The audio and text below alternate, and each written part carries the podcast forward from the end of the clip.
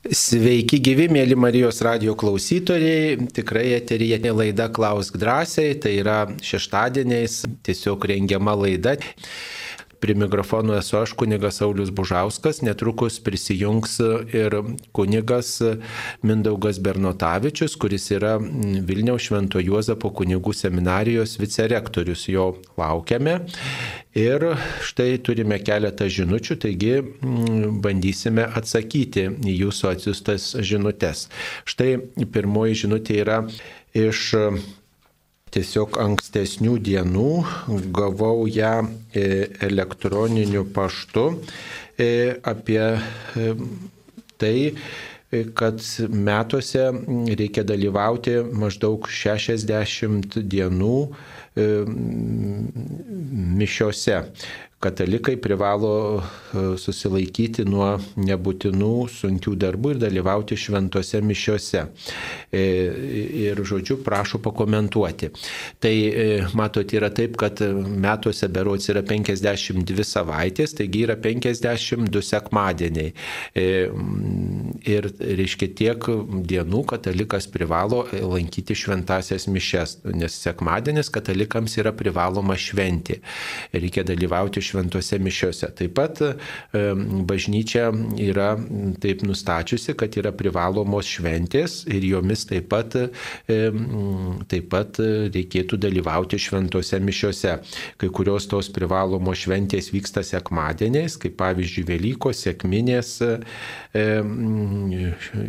švenčiausios trejybės šventė arba pavyzdžiui Kristaus kūno ir kraujo iškilmė keliama į sekmadienį arba Kristaus žengimas į dangų, šeštinės taip pat keliama į sekmadienį, kad būtų visiems tikintiesiems patogu dalyvauti šventose mišiose ir nebūtų sunkios nuodėmės, jei ta e, iškilmė e, būtų šiokedienį ir tada žmonės dirba, negali dalyvauti šventose mišiose. Tačiau yra kelios iškilmės, kurios vyksta nesekmadieniais ir jos yra kaip privaloma šventė. Tai visiems mums gerai žinoma visų šventųjų iškilmė, lapkričio pirmąją ir ji nebūtinai yra e, sekmadienį, gali, tai yra nedarbo diena oficialiai, bet e, nėra sekmadienį. Aišku, žiūrint, kokie metai pasitaiko. Ir taip pat e, švenčiausios mergelės Marijos ėmimo į dangų iškilmė žolinė, kuri yra rūpiučio 15. Taip pat ne visada sekmadienį, nors yra nedarbo diena, bet ne visada sekmadienį. Ir, Ir tą dieną taip pat katalikų reikėtų dalyvauti šventose mišiuose. Lygiai tokia pati šventė yra švenčiausios mergelės Marijos Dievo gimdytojos iškilmė sausio pirmąją. Na ir tokia daugiausiai klausimų pastaruoju metu sukėlusi iškilmė tai yra e, Kristaus apsireiškimo trijų karalių iškilmė, kuri e, būdavo keliama į sekmadienį, tačiau pastaraisiais metais ji švenčiama sausio šeštąją, nekilnojama. Taigi maždaug dar aštuonios e, šventės, kurios prie tų 52 sekmadienių pridedamos ir išeina maždaug apie 60 E, tų progų per metus, kuomet katalikas turėtų dalyvauti šventose mišiuose. Kai kada, pavyzdžiui, kalėdų iškilmė sutampa su sekmadieniu, taigi e, sumažėja e, tų e, iškilmių, kurios, na, kurios būtų, kaip sakoma, nesekmadienį. Bet mes, katalikai, neskaičiuojame čia, tiesiog gal tokia statistikai tas skaičiavimas svarbus, katalikui svarbu laukti iškilmės, jai ruoštis ir tiesiog ilgėtis šventųjų mišių. Matot, ta pareiga dalyvauti šventose mišiuose gal skamba taip labai gniuždančiai, tačiau mm, tai yra malonė, kad mes tikinti žmonės galim susitikti vieni su kitais, kad galime priimti šventą komuniją. Tai yra dovana, tai yra mūsų tikėjimo šventimas ir mūsų tikėjimo sustiprinimas. Ir e, viena vertus skamba kaip pareiga, bet tai yra ir mūsų teisė, ir, mūsų, ir mums skirta dovana, ir mums skirta malonė. Jeigu žinom, kad šventos mišios yra e, na, tas susitikimas su Dievu pati aukščiausia, pati gražiausia mūsų malda, tas Kristaus aukos sudabartinimas ir, ir tikėjimo šventimas. Ir, ir išgyvenimas įvairių tikėjimo įvykių, tikėjimo aspektų, tas susivienijimas su Kristumi šventoj komunijoje, tai tas pareigos e, klausimas tikrai nėra nei sunkus, nei kažkoks e, nepakeliamas, o tikrai labai laukiamas. Ir daugybė žmonių įvairiuose kraštuose ir pas mus Lietuvoje trokšta net ir šiokedieniais dalyvauti šventose mišiuose ir, ir, ir taip dieną suplanuoja, kad štai arba anksti rytą prieš darbą, arba vakare po darbo galėtų dalyvauti šventose mišiuose, o kai dabar yra galimybė klausytis ir per Marijos radiją, taigi e, net ir tokiu būdu šiokiadieniais štai išklauso ir pamokslo, ir, ir priima dvasinę komuniją, bet aišku, tai neatstoja tos eucharistinės komunijos, kuri mums tikrai reikalinga. Aišku, dabar kai kurio, ypač miestuose, šventos mišios aukojamos bažnyčiose ir dieną, 12 val. pavyzdžiui, gailestingumo šventoviai, Domininkonų bažnyčioje, Pilypo ir Jokūbo bažnyčioje Vilniuje ir dar kai kur, tai žmonės netgi per pietų pertrauką taip suplanuoja, kad štai tarp visų darbų dalyvauja šventose mišiose, net ir šiokedieniais. Tai yra tas pamaldumas maldumas, e, tas e, toks tikėjimo išgyvenimas, kuris nepaprastai mums reikšmingas, o ką jau kalbėti apie sekmadienius ir iškilmes. Taigi priimame tai ne tik tai kaip privalomą dalyką, kaip pareigą, bet kaip malonę, dovaną, kaip mums e, reikalinga pagalba, kuri padeda tikėjimą išgyventi. Taip, dar viena žinutė, kas yra fokuliarai ir kokia jų veikla. E, taigi, kalbame apie tokią bendruomenę, kurios įkūrėja yra e, Italijoje gyvenusi moteris Hera Liubik, kuri dabar jau yra mirus, mirė 2008 e, metais, sulaukus 88 metų. Ir ji tokia buvo aktyvi krikščionė, aktyvi katalikė ir tokia vienybės skatintoja, palaikytoja, jai labai e, rūpėjo ekumenizmas, dialogas, ta artimo meilė ir ji oficialiai 1943 metais įkūrė fokoliarų judėjimą. E, tai fokoliarai e, kilę nuo žodžio e, foko, foko, tai reiškia liepsna, evangelinės meilės liepsna ir jiems tiem žmonėms, kurie troško vienybės, troško gyventi ir puoselėti artimo meilę, e, rūpėjo steigti tokias bendruomenės, kuriuose būtų tikrai ta pagarba puoselėjama e, vienas kitam ir taip e, jie praminti tokiais fokoliarais, tai yra žydiniais. Fokoliarė itališkas žodis reiškia žydinys. Tai yra tas bendrystės, meilės, pagarbo žydinys renginys, kuriame žmonės vienas kitą gerbė ir liūdė tikėjimą vienas kitam ir kartu kitiems žmonėms. Ir įsipareigoja žmonės kartu va, štai gyventi pasauliečiai vienas kitą gerbdami ir yra vyrų bendruomenės, moterų bendruomenės ir tokiu būdu jie dirba pasaulyje, įvairios, įvairius darbus atlieka, tačiau kartu bendruomeniškai gyvendami tarsi pasauliečių vienuolinės bendruomenės tokio, to, to, to, tokio tipo ir Lietuvoje veikia nuo 91-2 metų, yra Vilniuje ir Kaune. Ir mes retkarčiais pakviečiame juos e, pasidalinti mintimis apie tikėjimą, ypatingai laidoje pokalbiai prie Biblijos, o, va štai šį mėnesį jie e, parengė komentarą e, popiežiaus intencijos, popiežiaus intencijos komentarą, kuri popiežiaus intencija apie diskriminaciją ir brolybę tarp žmonių yra. Tai kaip tik tai jiems rūpi tie brolybės, vienybės klausimai, tai tiesiog pagalvojome, kad štai šita bendruomenė galėtų tinkamai tą padaryti ir tą jie padarė. Taigi štai tokia bendruomenė ir galima tikrai Vilniuje ir Kaune su jų veikla labiau susipažinti, jie priima ir, ir norinčius, ir, ir, ir, ir besidominčius. Taip, mums paskambino. Rasa iš Marijampolės. Taip, Rasa, klauskite. Garbėsiu Kristai. Per amžius. Aš norėjau paklausti tokių klausimų iš Marijampolės bazilikos. Man, Taip. žinokit, aš matot, esu tikintis, einu pastovė bažnytėlė. Ir, žinot, klebonas, kai paklausė dėl tų trijų karalių, kažkaip šiemet nelabai, nu, kalbėjo. Ir klebono paklausė ant stalo, žinot, parašyta yra ne trijų karalių vardai, bet yra parašyta Jėzus Marija Jozapai. Reiškia, ant durų reikia rašyti ne trijų karalių, sakau klebonio, kodėl nereikia. Sakė, trijų karalių iš vis sakė, nebuvo tokių dalykų. Tai, žinot, mane taip, žinokit, sujaudino galvoj, nu, nu, galvoju, nu, šventam rašyti yra parašyta, tai kaip dabar iš tikrųjų neberašyti trijų karalių, ar rašyti, ar Jėzo Marija Jozapai, ir dar kažkokie lotynų ten raidės irgi kažkokius. Nu, žodžio, trijų karalių, sakė, visai nebėra. Ačiū, noriu atsakymo labai.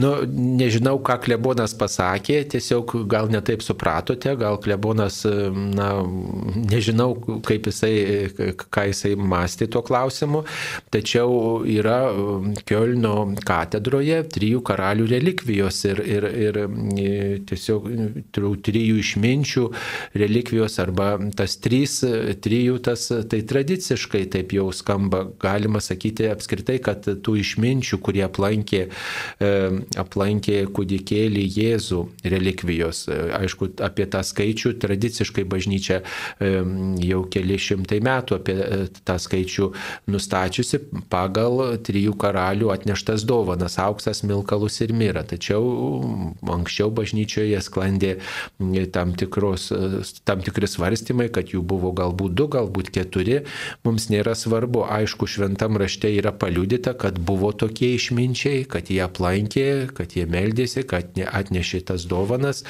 Mums turbūt mm, svarbu, kad iš tolimų kraštų žmonės atėjo ir kad ta šventė primena, jog Dievas yra visiems, kad jis nėra tik tai išrinktai tautai, bet ir svetimiesiems, ir tolimiesiems, ir daugybė žmonių štai atpažinę mm, na, Dievo, dievo tam tikrą įsiveržimą likimą jų gyvenime, reiškia, atranda Kristų kaip Dievą ir žmogų ir, ir jį pagarbina, ir jam nusilenkia, ir jį priima kaip kaip e, gyvenimo viešpati, tas turbūt yra svarbiausia. Dabar e, tie e, vardai, tos trys raidės, kurias rašydavome ant durų K, M ir B, jos vieni sakydavo, kad žymi trijų karalių vardus. Čia tokia to, liaudiška tradicija, bet beje tie vardai įvairiose tautose netgi ir, ir kitokie yra įvardinami, nes šventame rašte apie juos nerandame tuos vardus aprašytus, įvardintus, tai sklando įvairūs, įvairūs pasakojimai. E, tačiau tos trys raidės, kurias rašydavome iki šioliai ant durų, K, M ir B, e, na, iš lotiniškų, e, iš lotiniško sakinio reikštų Kristus laimina namus. Kristus laimina mūsų būstą. Ir, ir tiesiog ta tokia liaudiška tradicija, tas raidės suprantamiau pavertė, e, pavertė na, trijų karalių vardais. E, daug svarbiau turbūt tai yra, kad tai yra nuoroda, jog čia gyvena krikščionis, kad čia gyvena tikinti žmonės, kad jie išpažįsta Kristų, Kristui meldžiasi e, ir tokią žinią štai neša tos raidės. Ir gal netiek svarbu tas užrašas, kiek tas kryželis ant durų parašytas parašyta skraida, e, nes tos raidės ne šiaip savo raidės parašytos, bet tarptų raidžių yra kryželiai. Na ir kai pasirodė naujasis apieigynas lietuvių kalba, štai ten toks pasiūlymas, kad galima rašyti ne, ta, ne tik tai tas tris karalių raidės, K, M ir B, kas reikštų Kristus laimina mūsų būstą, Arba, kaip jau mes nuo seno esame įpratę, kad tai trijų karalių vardų pirmosios raidės, bet taip pat galima rašyti ir e, tuos tų žmonių vardus, kurie minimi šventam rašte - Jėzus, Marija ir Juozapas. Tai gal tokia būtų dar artimesnė Biblijai žinia ir, ir tiesiog na, to, to, to, tie vardai ir tos raidės ant mūsų durų labiau gal at, būtų, labiau atitiktų tą tokią na, istorinę aiškę tiesą, nes ir Jėzaus, ir Marijos, ir Juozapo vardai yra parašyti šventam rašte. Kitaip sakant, tas užrašas būtų labiau biblinis. Tai galbūt tokia buvo mintis tų, kurie e, štai įtraukė į apeigyną tas tris raidės e, ir kviečia pažymėti jomis namų duris. Tai, tai jokių būdų nėra pasakymas, kad e, ne, nebuvo tų išminčių, kad jie neaplankė, bet tiesiog, na, bandymas tą tradiciją gal praplėsti, paivairinti, priartinti labiau prie švento rašto ir, ir padaryti tokią, na, suprantamesnę. Mes žinom, kad šventoji šeima tikrai egzistavo Ir kad toji šeima yra, nu, taip kaip įkvėpimo šaltinis visoms šeimoms ir taip kaip jie patyrė įvairiausių sunkumų, taip ir mūsų šeimos patiria sunkumų, kaip jie išlaikė tikėjimą, taip ir mums yra tas ženklas išlaikyti tikėjimą, vienas kitų rūpintis, vienas kitam padėti, vienas šalia kito būti. Tai, e, tai štai tas užrašas toksai ir gali būti, jis dar tiesa nėra paplitęs Lietuvoje, bet vat, matom, kad kunigai po truputį bando e, tą tradiciją įdėkti. Tiesiog, kad galim užrašyti Jėzaus pirmą raidę, Marijos pirmą vardo raidę ir taip pat Juozapo pirmo, pirmo vardo raidę ant savo namų durų ir tarp jų padėti kryželius, nubrėžti kreidą. Tai, tai tiesiog priminimas, kad ir mes norim būti e, šventosios šeimos gyvenimo dalininkais ir jų globą patirti. Ir ta šventoji šeima, kaip sakant, ir priėmė tuos išminčius ir, ir jie yra ir kalėdų įvykio centre ir taip pat na, visų mūsų tikėjimo centre. Tai, tai čia tiesiog toks, toks tradicijos praplėtimas, pagilinimas ir priartinimas šventajam raštui. Tai nėra nei paneigimas tų išminčių, nei kažkoks jų diskreditavimas. Tikrai su pagarba žinom, kad jie aplankė, apie juos mažai ką galima tokio tikslaus pasakyti, tai dėl to galbūt ir štai pagalvota apie tuos šventosios šeimos asmenis. Tai taip jums atsakytume į jūsų užduotą klausimą. Taip, dabar žiūrim, kokiu klausimu mums daugiau atsiuntė mūsų klausytojai. Štai dar viena žinutė, kodėl sutvirtinimo tėvais negali būti sutvirtinamojo gimdytojai. E, taigi, matot, bažnyčia yra bendruomenė ir e, labai yra gražus paprotys, kad ir krikšto tėvai, ir sutvirtinimo tėvai yra tie žmonės, kurie yra iš šalies tarsi, kurie yra arba giminės mūsų, arba bendruomenės nariai.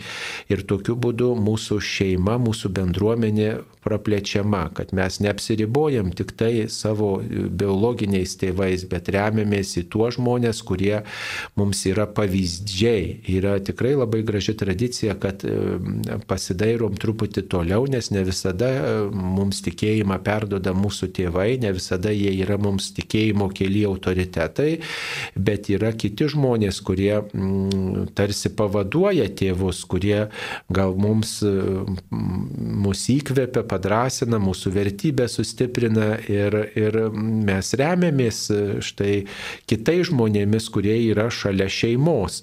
Ir tai, na, tokia graži tradicija. Ir Mūsų kraštuose yra įprasta, kad, pavyzdžiui, vaikino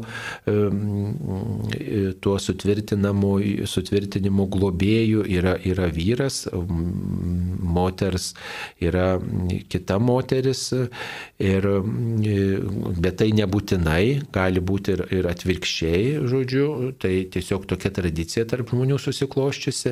Aišku, yra įdinga praktika, kai, kai tame pačiame sutvirtinimo sakramente sakramento teikime, tuose pačiuose apieigose, štai vienas žmogus jau priima sutvirtinimo sakramentą ir jis bėga į eilės galą ir tampa e, tuo e, sutvirtinimo globėjų kitiems žmonėms. Iš tiesų reikia pagalvoti iš anksto apie tos žmonės, kurie mums yra pavyzdžiai. Tokių visada atrasime ir bendruomeniai, galbūt savo giminiai, tarp kaimynų, tarp pažįstamų, tų žmonių, kurie štai jau nuėję tikėjimo keli, keliu šiek tiek, kurie jau išlaikė įvairius išbandymus, kurie pasirinkę įvairiausiomis aplinkybėmis tikėjimą iš naujo ir jie tampa tai žmonėmis, kurie e, gali mums padėti, kurie neturi kažkokių tokių didelių įdų, mus arba iš tų įdų sėkmingai vaduojasi, stengiasi kilti ir mus tai gali labai įkvėpti ir padrasinti. Taigi primenam, kad sutvirtinimo e, sakramente tuo globėju turėtų būti tas žmogus, kuris ne tik tai pakrikštytas, prieimęs e, komuniją, einantis su taikinimo sakramentu, bet taip pat prieėmęs ir sutvirtinimo sakramentą, jau prieėmęs ir, ir tai padaręs jau seniau.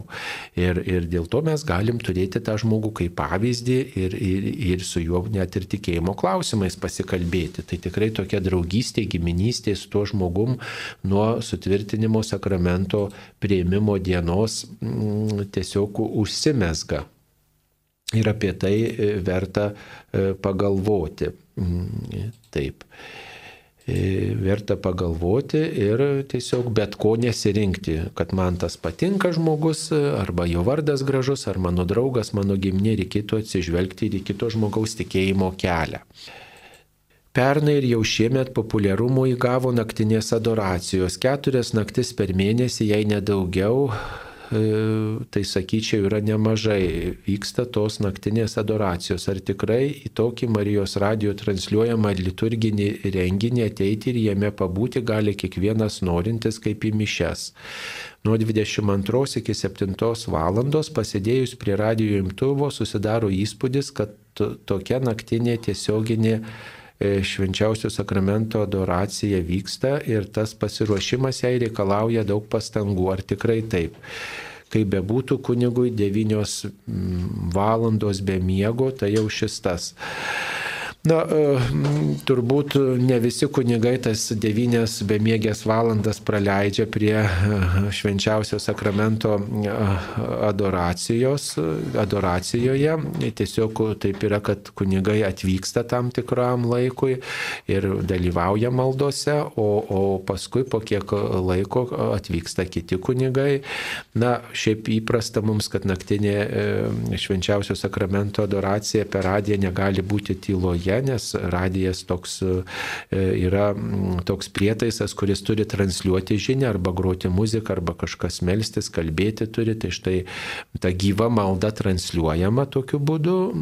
Va, e, tai e, taip iš tiesų dalyvauja daug žmonių tam, kad vyktų ta švenčiausio sakramento adoracija per radiją ir dalyvauja ir, ir, ir tie, kurie groja, ir kurie gėda, ir tie, kurie žodžiu, taip pat būdi ir, ir užtikrina ir atliepų tvarką, e, aišku, įjungtis į tą adoraciją, ateiti tame šlovinime dalyvauti gali visi, kas tik nori. Ir Šilvo, ir gailestingumo šventovė, ir Šiauliuose, ir visur, ir taip pat Žemaičių kalvarijoje, visur, kur tai vyksta. Ir, ir per Marijos radiją apie tai mes kelbėme, taigi kviečiame įsijungti ir dalyvauti. O, o tai yra tiems žmonėms, kuriems nesimiega, ypatingai ilgai naktį e, tokia pagalba melstis ir būdėti ir kartu jungtis į bendrą maldą. Tai ačiū, kad jūs, e, jums e, tai rūpi. Sveiki, kunigė Mindaugai, ačiū, kad atvykote į Marijos radio laidą.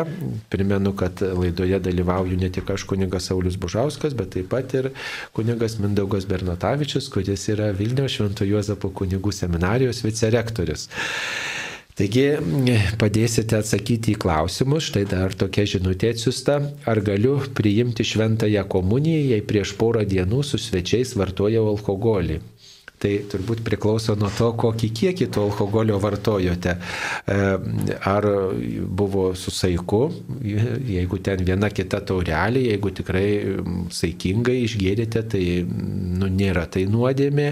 Bet jeigu, pavyzdžiui, nesaikingai vartojam, kaip ir maistą nesaikingai vartojam, jeigu, pavyzdžiui, turiu priklausomybę to, to, to šioje srityje ir, ir tas pavartotas alkoholis galbūt kitas blogybės atvėrė, tai jau tikrai būtų, būtų susirūpinimas. Bet jeigu neturiu toj srity didelių problemų, štai atėjo svečiai, porą taurelių ten išgėrėm, kalbėjomės, nebuvo kitų nukrypimų į nuodėmę, į blogį, tai tada nieko tokio su saiku mes e, galime vartoti, tačiau labai turime e, prisiminti, kad per alkoholį daug žmonių tikrai nupuola ir į kitas nuodėmės, tai tikrai reikia, mes negalim propaguoti, kaip sakyti, alkoholizmų ir žinom, kad daugybė kunigų buvo tie, kurie gynė blaivybę, matydami alkoholį alkoholio daromą žalą. Taigi būkime atsargus ir jeigu jūsų sąžinės legia, tai tikrai damas iš pažinties galite tą paminėti. Galite tą paminėti, kad visiškai iš to įsilaisvintumėt. Bet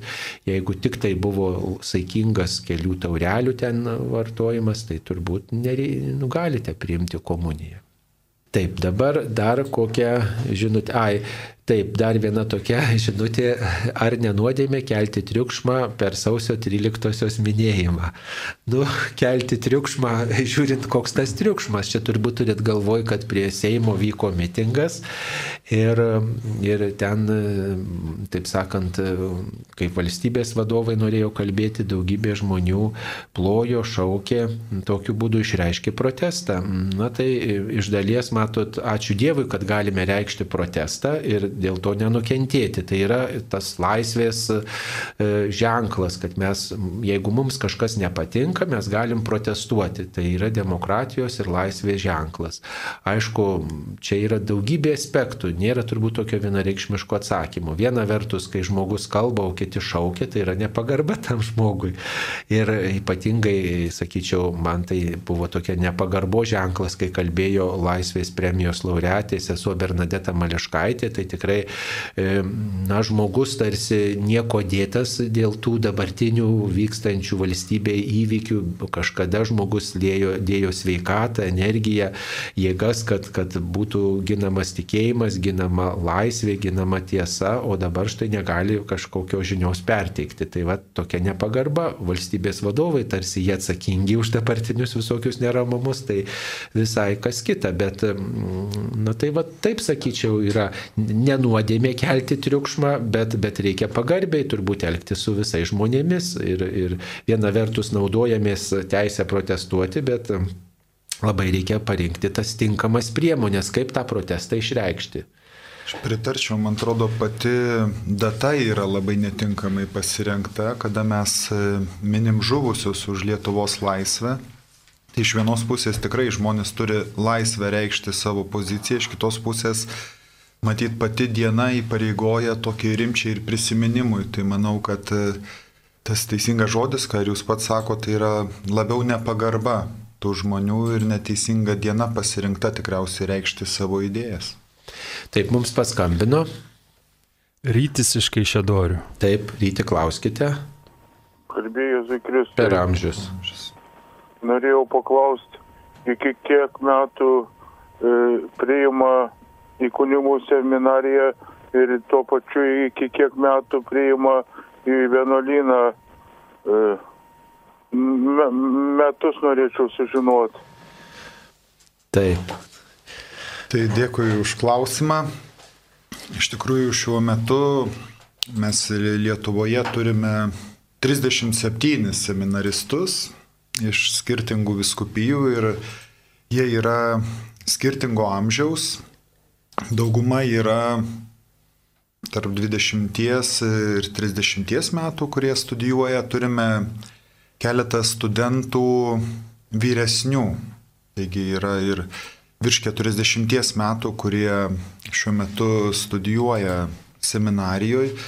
Tai sakykime, tokio gal amžiaus ribos nėra, šiaip jau buvo susiklostę tikriausiai tokia tradicija, kad maždaug 35 metai yra ta riba, kada na, jaunuolis gali stoti į seminariją, bet e, yra ir išimčių.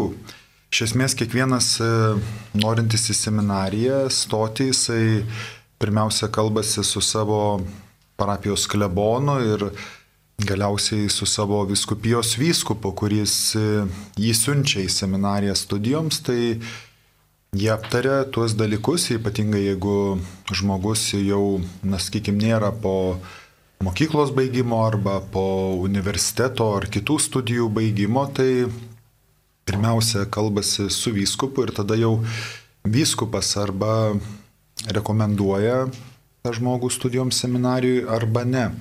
O vienolyjos vėlgi, čia reiktų jau pasidomėti konkrečia vienolyje labai dažnai savo arba konstitucijose arba kitose įstatuose vienolyjos būna nurodę amžių, iki kurio galėtų žmogus įsijungti jų bendruomenę ir įstoti į vienolyje, tai čia tikriausiai kiekvienos vienolyjos atveju yra atskirai.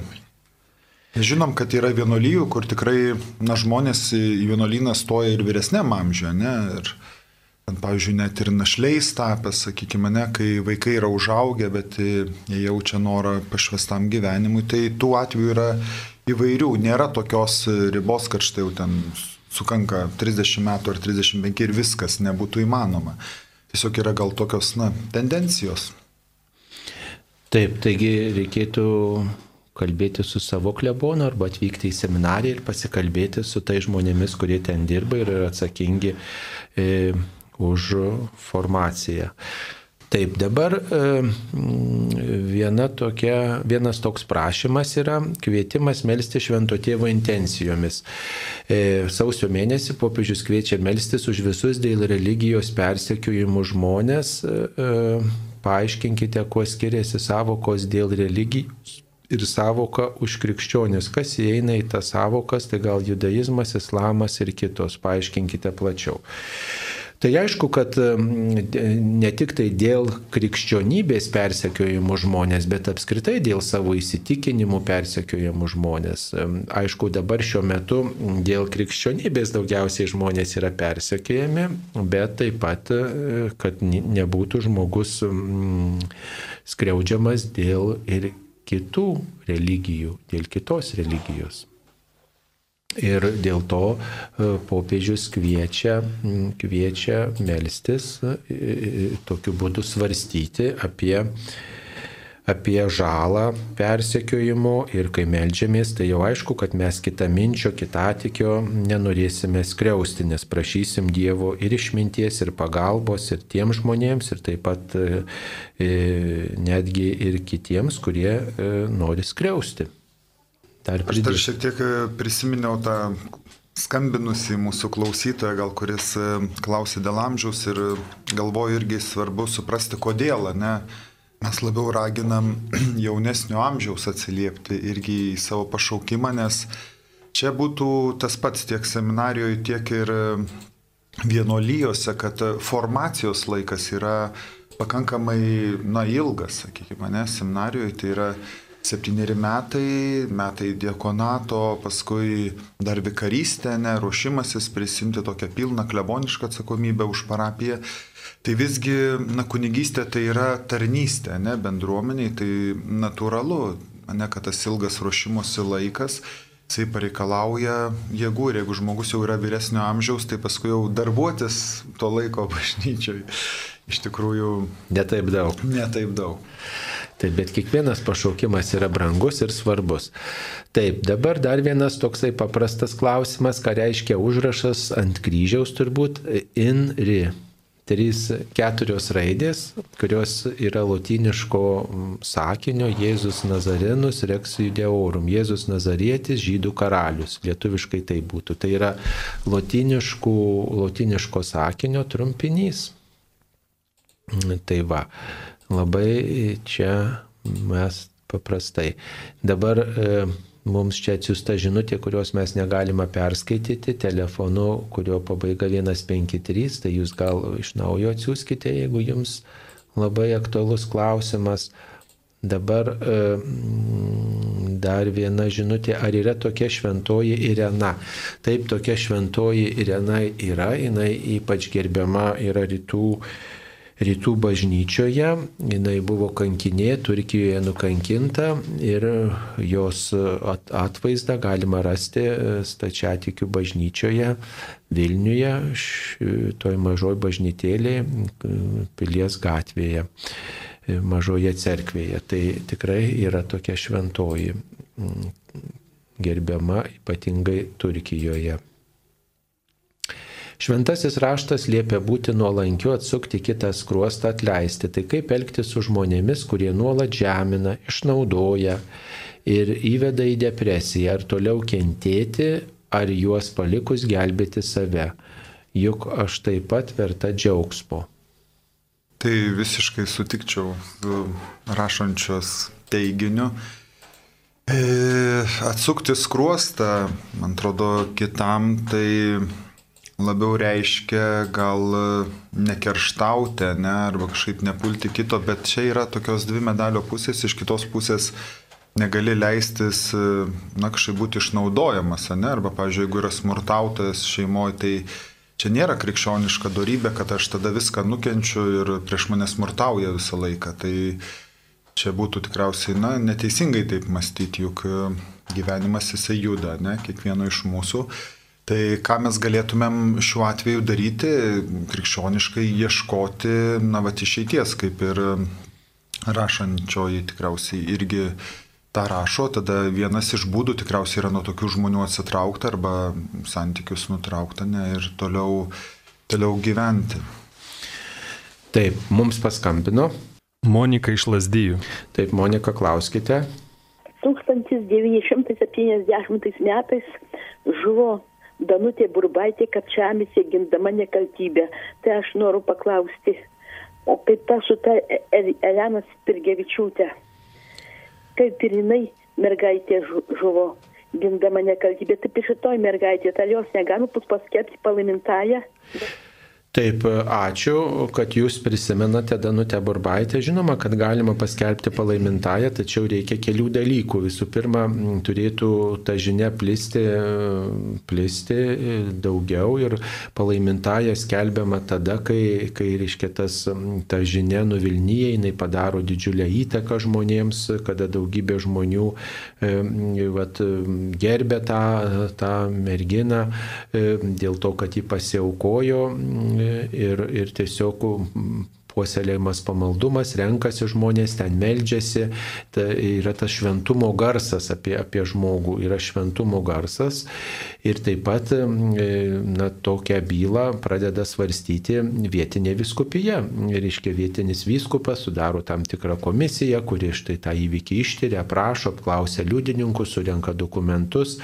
Ir taip pat, reiškia, siunčiama į Vatikaną iš šventųjų skelbimo kongregacija ir ta kongregacija, turėdama popiežiaus e, tokį skirimą, misiją, štai parengė kitus dokumentus ir popiežius tada paskelbė visos bažnyčios palaimintąją. Ir tada vyksta kažkokių stebuklų, jeigu žmonės meldžiasi prie tos e, palaimintosios ir ji tada skelbiama šventąją, bet žinia turi nuvilnyti, nėra taip, kad, e, reiškia, ten kažkas šventai gyveno vienas žmogus, penki ten žino apie tai, nu tai dabar jau važiuoja ir sako, čia reikia reikia skelbti šventuoju. Tai yra daugybė tokių žmonių, kurie šventai gyveno ir, ir atidavė savo gyvybę visą, bet, bet žinia apie juos nėra plačiai pasklidusi, nėra tiek, tiek padariusi įtakos, kad rinktųsi žmonės melstis. Suspirgevičiūtė štai buvo gal truputį kitaip, jau pats tas e, faktas turėjo didžiulį atgarsį ir, ir labai nuvilnyjo ir daugybė žmonių apie tai žinojo ir rinkosi, meldėsi ir, ir vieni ar kiti prašė užtarimo, pagalbos ir ir,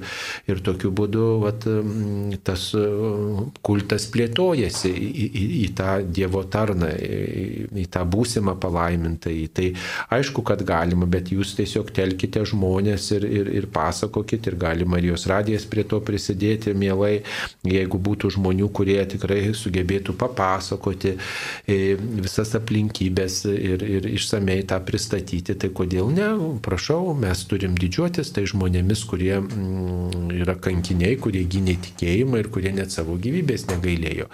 Taip mums paskambino. Martinas iš Veiverių. Taip, Martinai, klauskite. Garbėjai Jėzui Per amžius.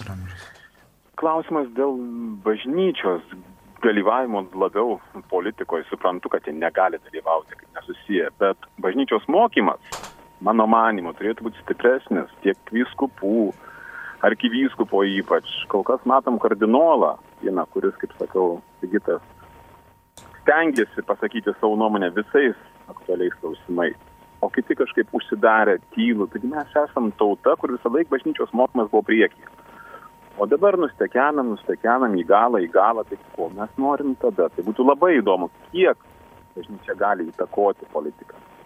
Mm, bažnyčios ir politikos santykis, čia šiaip jeigu žvelgtumėm istoriją, tai labai skirtingas buvo. Buvo tikrai laikotarpių, kada na, bažnyčia taip labai aktyviai dalyvaudavo valstybių gyvenime. Tai buvo vieni iššūkiai, ne, kada šiek tiek ir pati bažnyčia savo identitetą prarasdavo. Buvo laikotarpių, kai iš tikrųjų arba bažnyčia buvo išbraukiama apskritai iš visuomenės gyvenimo, arba pati drąsiai nereikšdavo irgi savo mokymo, ne garsiai. Tai tas irgi būdavo iššūkis, tikriausiai kaip ir jūs kartais gal, nu, atsakot, pasijaučiam tokie gal neužstojami savųjų ganytojų. Tai klausimas yra vertas iš tikrųjų tokios e, diskusijos, nes, e, na ką, kiekvienas krikščionisgi mes esam ir savo valstybės pilietis, ne? ir jeigu aš esu krikščionis ir čia nėra gal tiek svarbu, ar kunigas ar pasaulietis, tai yra tam tikros vertybės, kurios man svarbios ir turiu teisę jas išsakyti. Klausimas galbūt dėl pačių formų, kaip mes tas savo vertybės iškomunikuojam, ar burdamiesi į vairiausias asociacijas, ar čia turėtų, nežinau, viskupai kiekvieną dieną kalbėti apie tuos dalykus. Tai čia tikriausiai jau, na, va, tas formos radimas, ne? bet be abejo, kad bažnyčios misija yra bent jau pačias pagrindinės vertybės, tai tikrai drąsiai skelbti ir ne tik skelbti, bet jas ir ginti. Ne? Tai ypatingai, kai mes e, kalbam apie žmogaus orumą, apie šeimą, apie gyvybės klausimus, apie laisvės klausimus, tai tai yra ir kartu ne tik paprasti klausimai, ne, tokie visuomeniniai, bet tai yra ir bibliniai, sakykime, netikėjimo irgi klausimai, kurie mums svarbus. Tai tas įvyksta tikriausiai įvairiai. Arba pačiose bažnyčių bendruomenėse, patys tikintieji kalba.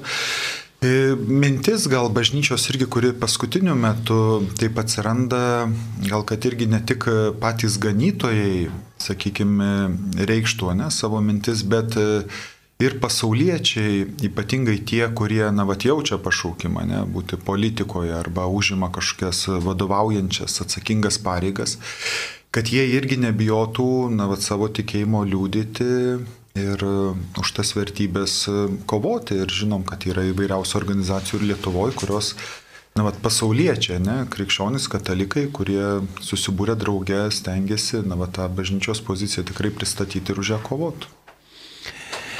Na, nesutikčiau, kad viskupai nedalyvauja ir, ir tikrai nepasisako.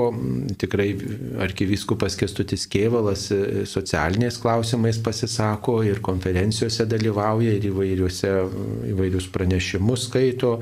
Taip pat arkivyskupas Ginteras Grušas dalyvauja ir bendrauja su politikais ir visose ir minėjimuose dalyvauja ir bendrauja ir, ir ne tik tai, kad čia kažkokį pareiškimą, e, žodžiu, pasakyti, tai kurio galbūt mažai kas skaito, bet kas kita yra bendrauti su politikais ir diskutuoti ir, ir, ir turbūt priminti ir, ir, ir pasakyti kažką ir paprašyti ir, ir nukreipti į kažką, tai, tai ir vyksta tas darbas, žinot, tais pranešimais įvairiausiais mes kaip sakant, e, lozungais, e, na, tiesiog galbūt mažai ką ir pasieksime, o bendraudami, kalbėdamiesi arba nukreipdami tam tikrus žmonės, kurie štai bendrautų su politikais kaip specialistai, kad paaiškintų, tai yra tas darbas daromas.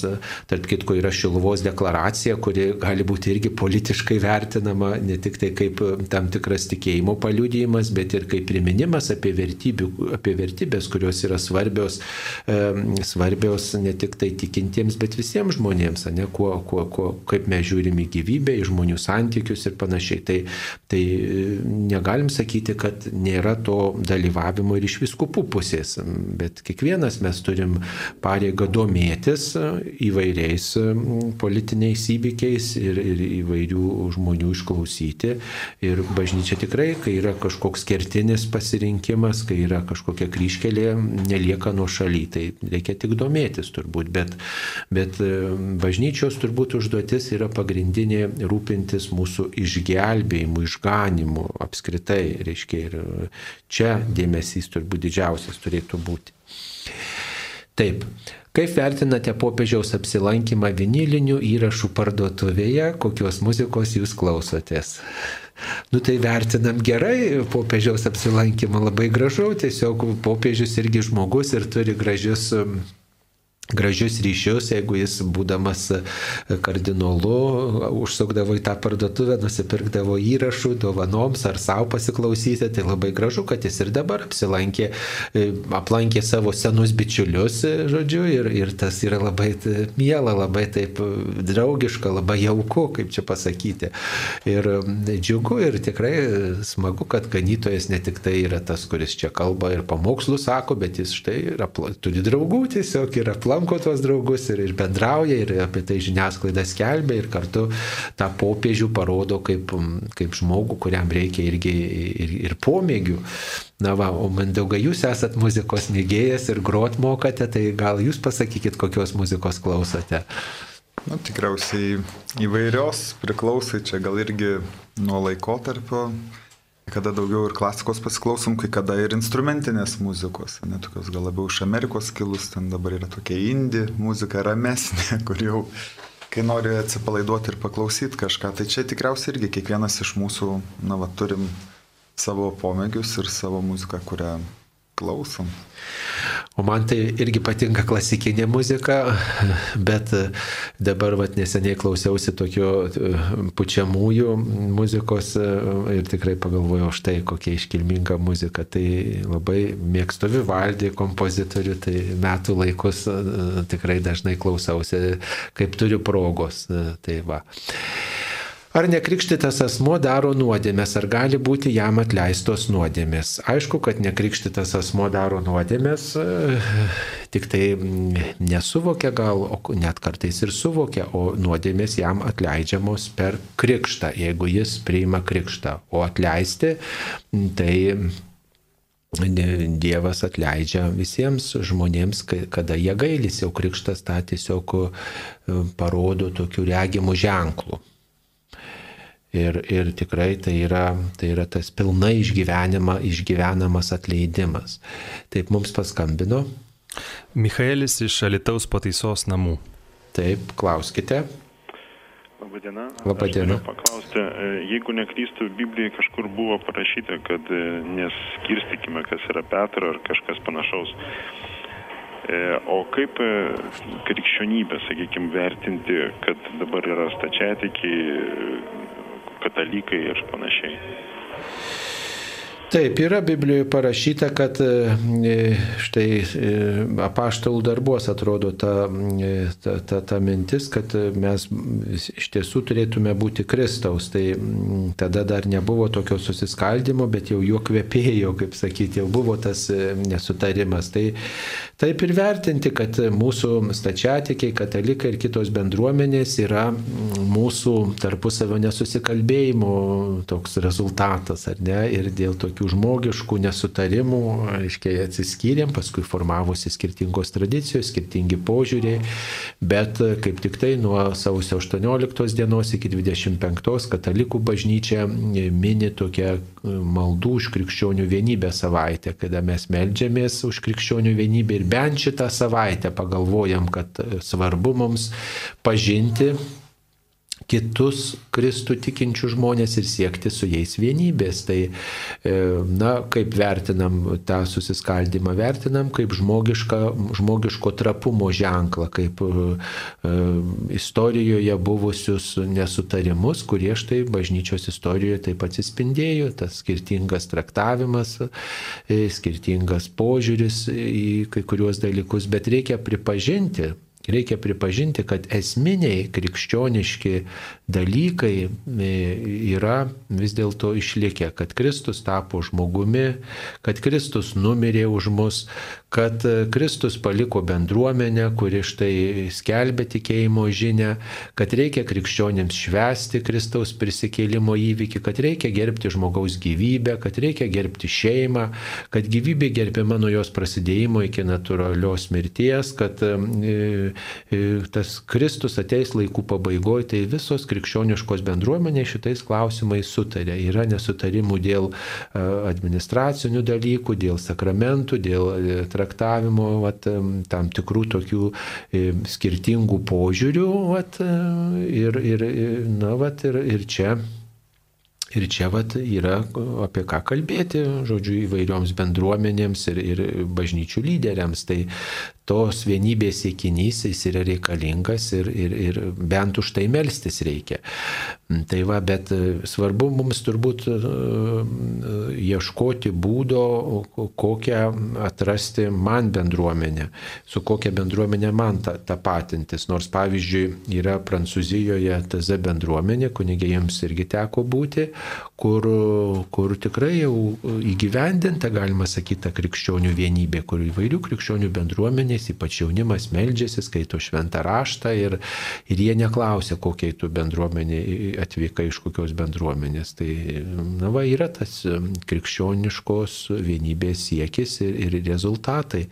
Pavyzdžiui, Lietuvos Biblijos draugija irgi jau yra pasiekusi tokį laipsnį, kai susėda tų krikščioniškų bendruomenių nariai ir gali štai išleisti na, vat, krikščionių Bibliją. Va, ir, ir tiesiog sutarti dėl dėl vertimo dalykų, sutarti dėl, dėl, dėl vieno projekto. Tai yra didelis laimėjimas. Taip, dar viena žinutė. Kaip krikščioniškų požiūrių vertinti Romo Kalanto susideginimą ir partizano mirtį susisprogdinimą? Klausė Rimas. Na, kaip vertinti?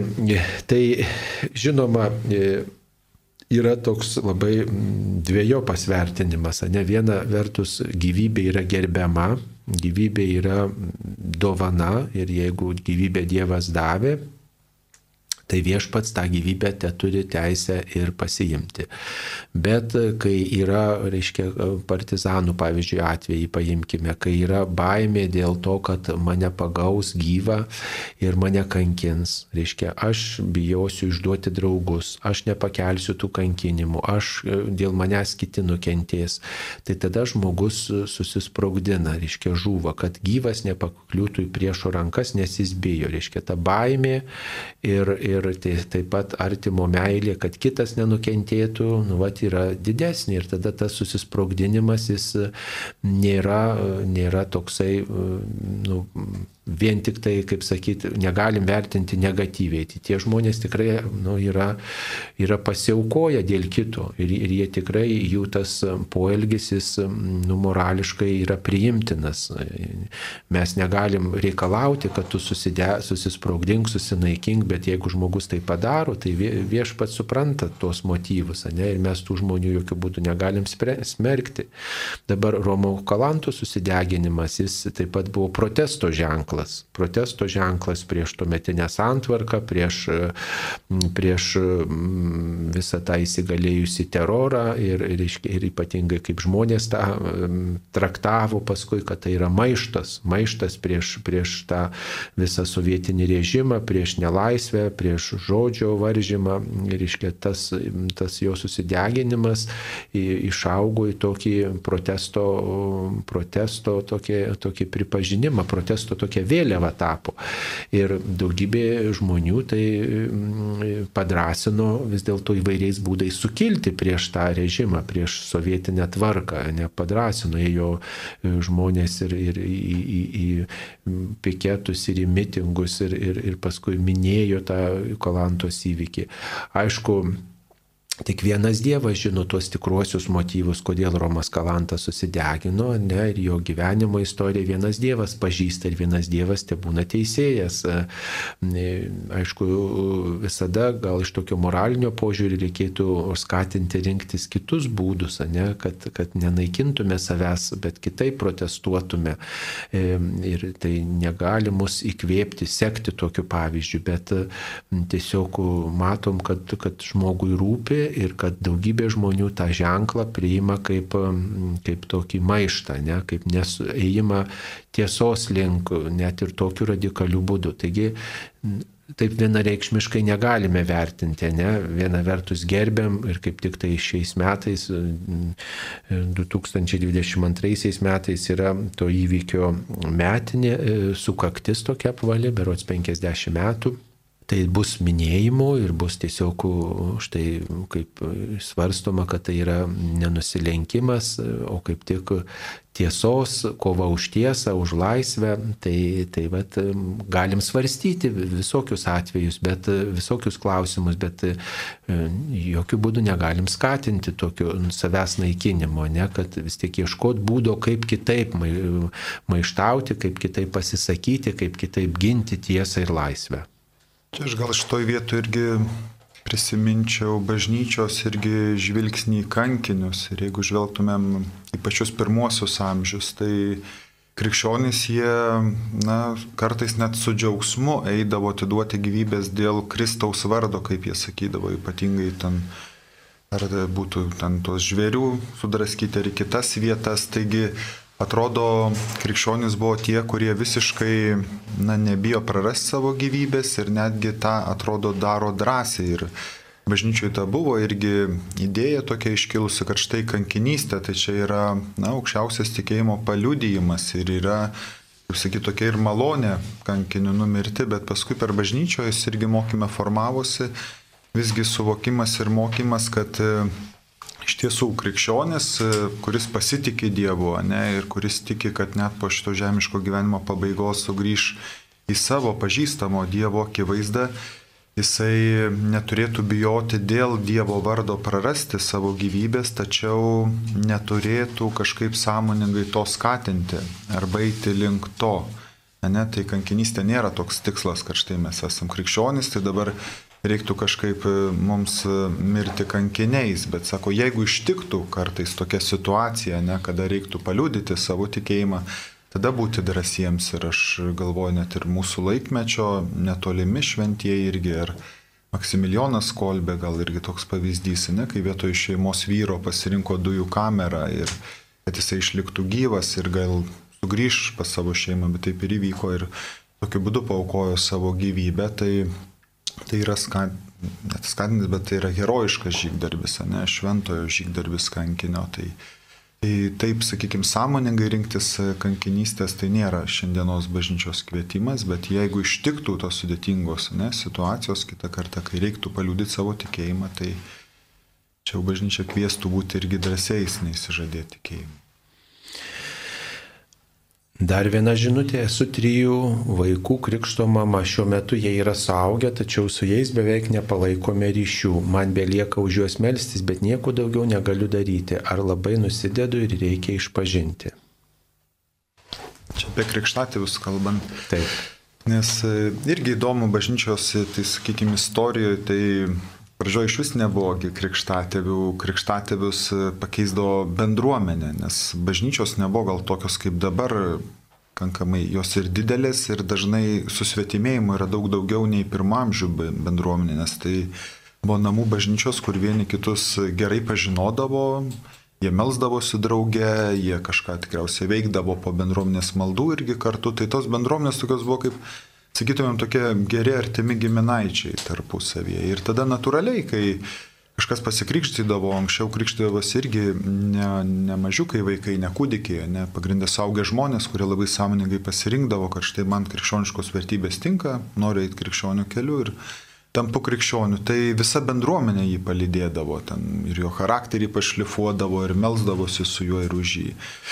E, dabar jau mūsų moderniais laikais, aišku, kai bažnyčia yra na, bet išaugusi, net tada jau bendruomenė negali užtikrinti ne visada tą tokį vedimo nekrikščioniško, to naujo krikščionio, tai atsirado krikštatėviai ir krikštatėvių yra pareiga būtent tapti dvasiniais tėvais tiems vaikams, nes vaikai, jeigu viskas tvarkoji, turi savo tėvus, tai tėvai pasitelkia į pagalbą krikštatėvius, kurie būtų tokie pagalbininkai, ugdant vaiką ir ypatingai atsakingi už jo, na, tokį dvasinį augimą. Ir kartu primenantis e, tėvams, kad, nu, štai žiūrėkit, nepamirškite, ne, su vaiku ir pasimelsti, ir pamokyti maldos, ir patys tą vaiką palydintys ir gebantys, gal ne tik ten, žinot, būna vaikai, tai ten paprasčiau viskas sutvarkoma dovanėlės, ten žaisliukai, bet e, kai auga vaikas, ne, čia ypatingai va, tas svarbus laikotarpis, kad krikštatėviai būtų tokie na, tokiom dvasiniam atramom, kada galėtų ir patys sutikę tą vaiką paklausti, kaip tu jautiesi, kas tau svarbu gyvenime, ne, nu, tokiais vertybiniais klausimais. Ir čia tikriausiai, ką kalbu, tai irgi galit pajust, kad gal ir iš mūsų patirties, kad, na, va, kai jau paauga vaikai, kažkaip labai neretai nutrūksta tos gyjos. Iš tiesų, kol dar mažiukai, ir ypatingai jeigu ten būna broliai, seserys, tokie pusbroliai, kurie dažnai matosi, tai kažkaip tie vaikai yra lankomi Bet kartai, žinot, draugus pasikviečiam, paskui gyvenime susidėlioja įvairiai tos situacijos, gi žmonės ar kitur išsikelia gyventi ar kažką, tai nėra to tokio gyvo kontakto ir iš tikrųjų lieka tada toks atrodo, na, va, tuštumas, tarsi ir turiu pareigą, kurią tikrai prisijimu, esu tas dvasinis tėvas arba dvasinė mama, o to santykio nėra. Tai malda, tai man atrodo vienas iš būdų, kuris tikrai būtų, bent jau jeigu nėra įmanoma jokio kontakto su to vaiku palaikyti, tai melstis už jį. Tai jau labai daug malda ir, aišku, parodė dėmesį, mm, parodysi dėmesį ir tai bus e, šis tas. Taip, dabar padarysime pertrauką. Čia Marijos radijas.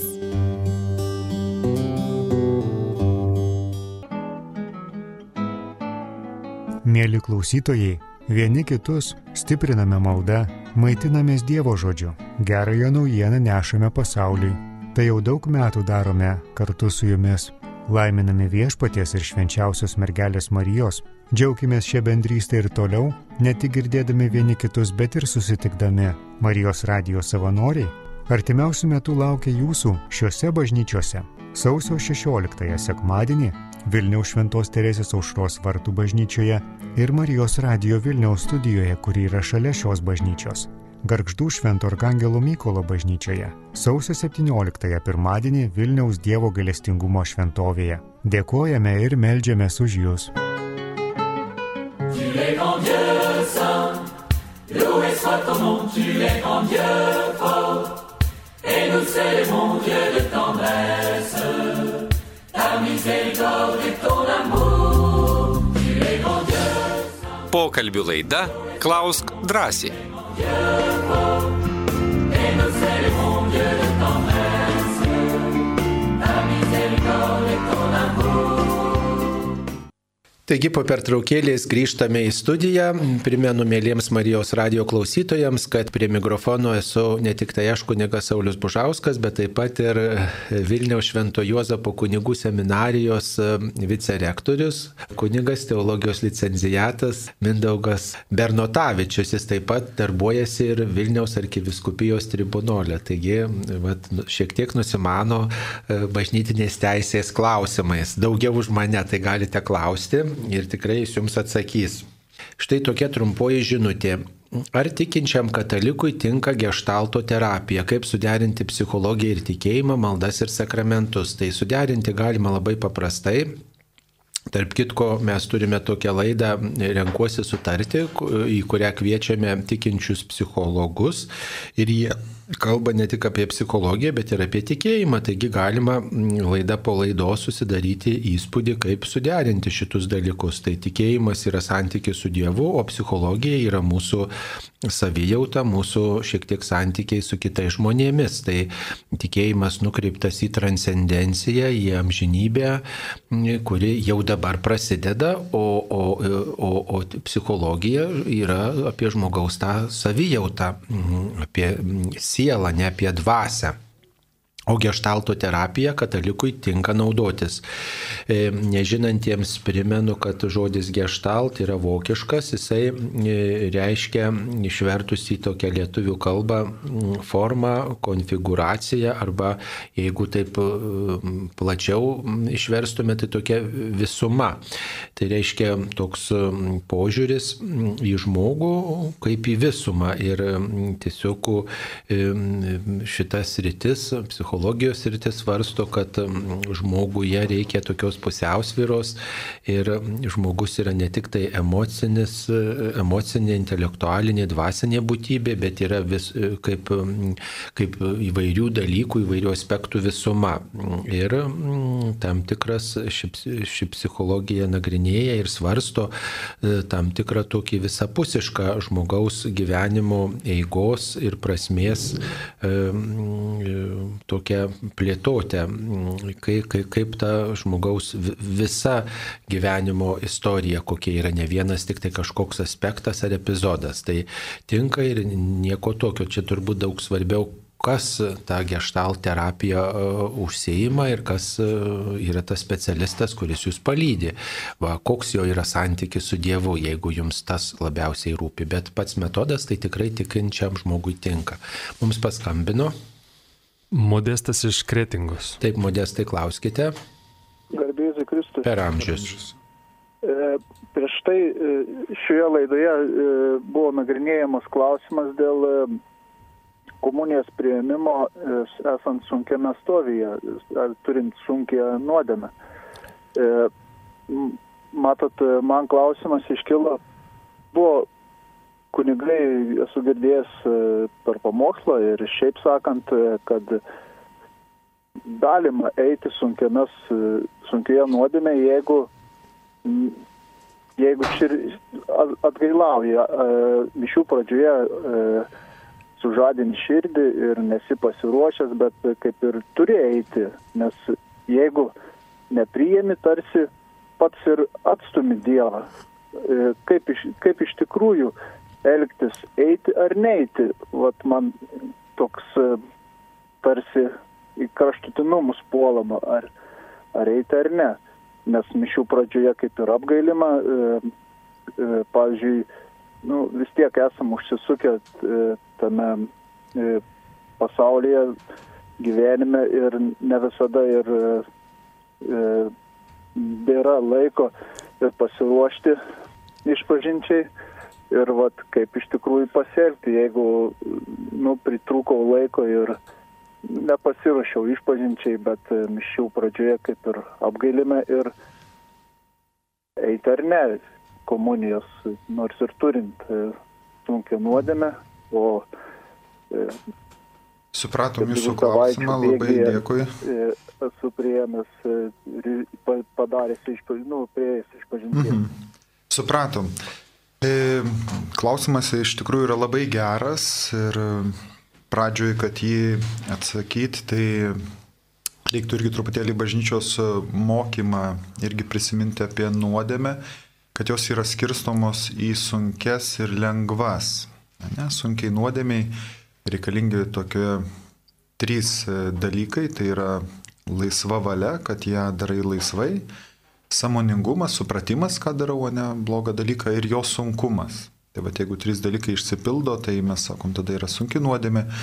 Jei kažko trūksta, tai tada jinai yra lengva nuodėmė. Ne? Ir mes žinom net ir iš savo patirties, kad yra tokių dalykų, prie kurių ar prisirišam, tokie kasdieniai, kažkas kažkur pasakyta, ten, nežinau, kokį konfliktą įsivėlėm, ne, šiaip gal nesam konfliktiški žmonės, bet tokių dalykų atsitinka mūsų gyvenime. Ne, ir tai du dalykai, kas įvyksta irgi mišiuose, natūralu, kad kai mes ateinam prie altoriaus, ne, ir švenčiam šventasias mišes, nepamirškim, kad tai apskritai yra, na, vat, mums, sakykime, tokia liturgijos, ne, arba sakramentų sakramentas Eukaristė. Mes, mes ateinam maitintis Kristaus kūnu ir krauju.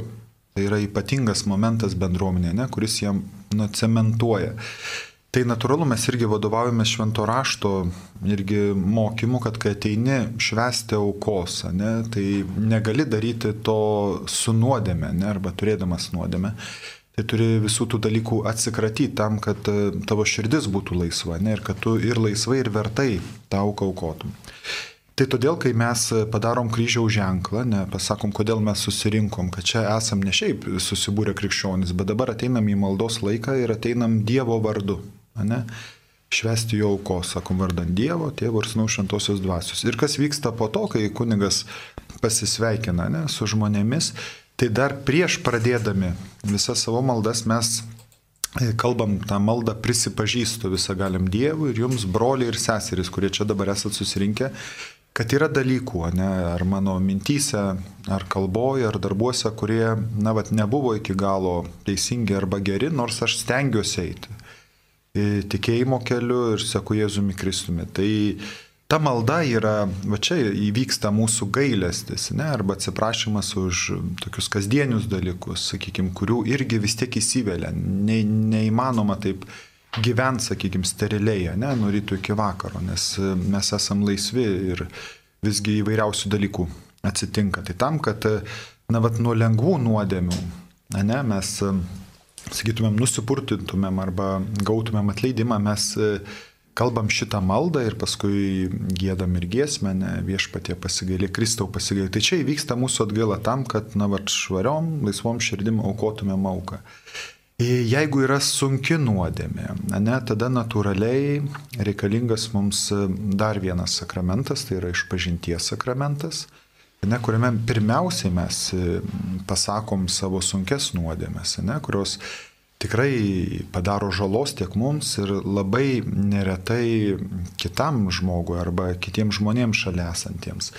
Tad natūralu, kad jeigu aš turiu sunkę nuodėmę, tai tada kaip krikščionis, na, aš nepriimu komunijos, ne, nesijaučiu visiškai vertas to daryti ir, kaip sakyti, gautųsi toksai, na gal net šventvagystė, nebijokim to pasakyti, ne, nes čia, čia grinai reiktų suvokti paties, na, va, Eucharistijos sakramento kilnumą, ne, jeigu aš ateinu Kristų įsileisti į save, tai Tai va, į kokius namus jis ateina. Ir čia labai paprastai pamatom. Be abejo, negalim būti tie tokie, gal sakykime, labai radikalūs, kad tada jokio dalyko negali būti, ne? nes iš karto Kristus pasipiktins atėjęs pas mane. Tada praktiškai tikriausiai nei vienas iš mūsų komunijos negalėtume mimti, ne? bet čia reikia tokio irgi žmogiško samoningumo. Jeigu tikrai aš turiu ir maldos savo gyvenime, ir lankausi bažnyčioj, Tai jeigu nėra kažkokių sunkių, didelių dalykų, tai man kaip tik norisi priimti šventą komuniją, nes jinai mane skatina, ne, tokiam tikinčio gyvenimui, drąsesniam, laisvesniam, su Jėzaus vertybėm. Man e, be galo svarbi tampa Euharistija, kad apsitai mane maitintų, kad nepasiduočiau tik pasaulio dvasiai, man norisi, ne, keliauti kartu su Jėzum. Tai Kai yra tos tokios kasdienės nuodėmės, lengvesnės, tai taip, tam pasitarnauja malda, ne? kad turėtumėm tokį irgi dvasios saugumą, ne, kai pradedam e, melstis Euharistijų. Bet jeigu yra sunkių nuodėmių, tai be abejo, kad e, mes tada nepriimam švenčiausio sakramento, tai irgi mums toks stokos patyrimas krikščionims, man atrodo, irgi jeigu taip sąmoningai mastom apie savo tikėjimą, jis yra svarbus, nes tada aš suvokiu, kad yra dalykų, iš kurių man reikia brist, kad aš galėčiau Kristų priimti. Ir tada jau geriau ten vieną ar kitą kartą nepriimti švenčiausio sakramento, tada rasti laiko, pagalvoti apie, na, va, tas konkrečias situacijas, nuodėmės, tada priimti iš pažinties e, sakramento, prieiti iš pažinties sakramento, priimti atleidimą ir tada tikrai su noru keistis arba net jau ir padarytas konkrečiais dalykais besikeičiant iš vienos ar kitos nuodėmės, tada sugrįžusi į mišes švesti džiaugsmingai ir laisvai. Tai man atrodo, dvasinė prasme tai būtų daug vaisingiau. Taip, tas stokos išgyvenimas, Euharistijos ilgesio išgyvenimas gali mus labiau mums pasitarnauti mūsų dvasiniai brandai, negu kad toks labai jau liberalus požiūris, kada aš sakau, ai tai prieisiu kada nors tos išpažinties su sunkia nuodėmė prie jas komunijos, bet žinot, galiu taip apsiprasti, kad ta išpažintis visai nublanks, nublanks ir aš jos nebevertinsiu. Tos išpažinties kaip sakramento, jos svarbos nepajusiu, vat, priimdamas su sunkia nuodėmė švenčiu švenčiausiai sakramentą, šventąją komuniją. Ir panašus klausimas, jei žmogus priima komuniją gyvendamas nuodėmėje, gyvena susidėjęs, kaip žmogus nusideda.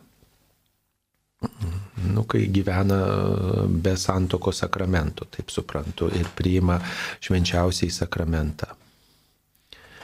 Kaip nusideda, nu nusideda svetimavimu turbūt, nes mes, kaip sakant, gyvenam su kitu žmogum, turim intimius santykius bei įsipareigojimų, bet atsakomybės, tarsi tokį šeimos modelį imituoja mane ir, ir, ir mes nesam tam žmogui įsipareigoję, nesam prisiekę tą žmogų mylėti, gerbti, saugoti Dievo akivaizdoj.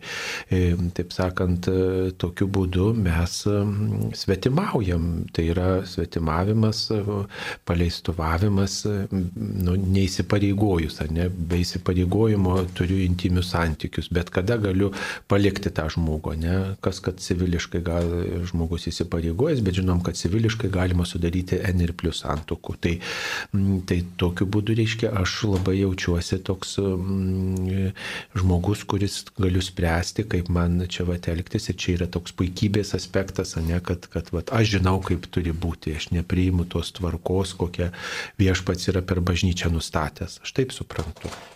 Taip, čia ir gal bažnyčios irgi kanonai kalba, kad na, bet, nėra kito būdo saugusiems žmonėms, sakykime, mane gyventi drauge, visko dalintis nei santokos sakramentas. Ne? Ir suprantam, kadgi gyvenimas dviejų žmonių kartu, ne tai visai kas kita, nei ten kokie bendrakursiai, žinai, gyvena studentų laikais. Ne, tai žmonės, kurie, na, iš tikrųjų, kaip gerai ir sakote, imituoja ne šeimos gyvenimą ir tikriausiai pati nuodėmė būtų paleistuvystės, ne, kaip čia Paštlas Paulius daugiau apie tai kalba, ne, kad irgi tam nepasiduot, nes tada, kame čia yra pavojus, ne, bent jau iš krikščioniškos pusės žmonės tikriausiai įvairiai tą gali argumentuoti. Bet tai yra na, vat, kito žmogaus pavertimas, sakytumėm, priemonė, bet netikslu, ne, pavyzdžiui, mano geismui patenkinti. Mums yra gera kartu. Bet e, įsipareigoti pilnai priimti kitą žmogų ne, ir susirišti tik su juo nenoriu. Tada klausimas būtų, kodėl? Tada reiškia, kame nepasitikit vienas kitu, nesat pasirengę ne, tokiam santykiam, nes jau jeigu žmonės gyvena kartu, sakom, kaip mes čia taip liaudiškai susidėję, reiškia, nu tai jie dalinasi viskuo ir intimumu, ne tik tais ne kartu leidžia laiką. Tai bažnyčia dėl vieno ir kito krikščionio gėrio sako, kad visgi na, teisingiausia tikriausiai būtų jau tokiu būdu, jeigu mes nusprendžiam, kad tikrai, na, va, esi mano gyvenimo žmogus, bendra keliaivis, su kuriuo nori eiti per gyvenimą, tai tada susiriškim, ne, kad mūsų santykis būtų ir saugesnis vienas kitam, bet ir labai aiškiai išsakytumėm, ko mes norim vienas iš kito, bet ką ir vienas kitam duodam, ne, kad tada mūsų draugystė yra tikrai tik tais mūsų, ne, tam tikrus dalykus mes irgi pasiliekam savo bendravimui. Ir įsipareigojimas tada vėlgi ilgalaikiškumui, ne, kad, nu, nepažiūrėsim čia, žinai, metai, du, trys, gal paskui kaip mums išeis, ne, bet jeigu mes priimam vienas kitą, tai priimam ir keliaujam kartu per gyvenimą. Taigi e, čia šitą dalyką reikėtų aptarti, jeigu jums neaišku, tikrai taip asmeniškai aptarti su nuodėm klausiu, e, prieiti iš pažinties ir tiesiog pasikalbėti. Žinot, jeigu ir negalėsit priimti e, atleidimų, tai tikrai kuningas jūs palaimins, jūs patars, pasimels už jūs asmeniškai ir tai yra irgi labai svarbu. Ir tikrai, jeigu jūs norite priimti komuniją, vat, būdamas tokioj situacijoje, tai tikrai reikia ypatingo tokio dvasinio palydėjimo judėjimo ir tikrai labai nuodėm, nu, tiesiog eiti e, patarimų ir iš pažinties pas, pas, pas kunigą ir tikrai labai, labai sąžiningai e, laikytis tų patarimų, rekomendacijų, kuriuos kunigas jums išsako. Tikrai čia labai yra, nu, tokio, reikia tokio sąžiningumo šitoj srityje. Va. Taip, dabar prašo mus paaiškinti katekizme pateiktą šventų mišių apibrėžimą, kad mišios tai Kristaus aukos sudabartinimas nekrovinų būdu ir itmėtinėje maldoje per Marijos radiją tariamus žodžius, kad Kristus kasdien aukojasi už mus, kaip tai derinasi su šventuoju raštu ir kad Kristus yra vieną kartą paukotas E, juk nėra nuodėmės atleidimo be kraujo praleimo, tai kokį vaidmenį atlieka tas Kristaus aukos sudabartinimas nekruvinu būdu. Taigi, reikia mums visiems priminti, kad Kristaus auka ir Euharistijos auka yra vienintelė auka ir ta pati atnaša. Ir tas pats aukotojas Kristus yra ir tas, kuris aukoja ir tas, kuris yra aukojamas. Ir Kristui kunigai tik tai patarnauja. Mm, Kristus pats save ant kryžiaus paukojo, o dabar mes tą auką, kuri kadaise buvome, kuri kadaise buvo, nekrūvinų būdų sudabartiname. Bet yra tas pats Kristus, kuris aukojo save prieš 2000 metų. Tiesiog išnyksta tarsi tie amžiai Ir dabar Kristus e, tą pačią auką e, mums dovanoja, žodžiu, leidžia joje dalyvauti, tik tai nekrovinų būdu. Ir to, tas įmanoma šventosios dvasios gale, Kristaus žodžio, pažado gale ir kunigo šventimų gale. E, tai kunigas gauna šventimus, kunigystės šventimus, tą galę, tą auką sudabartinti ir tiesiog ištaria pirmojų asmenių e, na, tos, tos pakilėjimo žodžius, e, imkite ir valgykite, imkite ir gerkite, tai yra mano kūnas, tai yra mano kraujas, tai darykite mano atminimui, kunigas ištaria pirmojų asmenių tuos žodžius, tai yra tas aukos sudabartinimas, nes e, tiesiog viešpats nori mus įtraukti į, į, į tą auką ir padaryti tos aukos dalyviais, bendrininkais, kad mes taip pat galėtume ir savo sunkumus jungti su jo auka ir prisiminti, ką Kristus dėl manęs e, išgyveno. Taigi Euharistija yra ta auka, ji sudabartina kadaise buvusią kryžiaus auką ant Golgotos kalno ir mums pritaikomi šios aukos vaisiai. Taip mums paskambino. Vladzė iš daugų. Taip, O, mėloji, dar kartą paskambinkite, mėla Vladzė, mes jūsų laukiame eteryje, jūs paskambinkite ir užduosite mums savo klausimą. Taip, dar viena žinutė, ar būsimų kunigų delnai patepami aliejumi pagamintų tiksliai pagal nurodymą išėjimo knyga remiasi. E, čia klausėjas išėjimo knygos 30 skyriumi.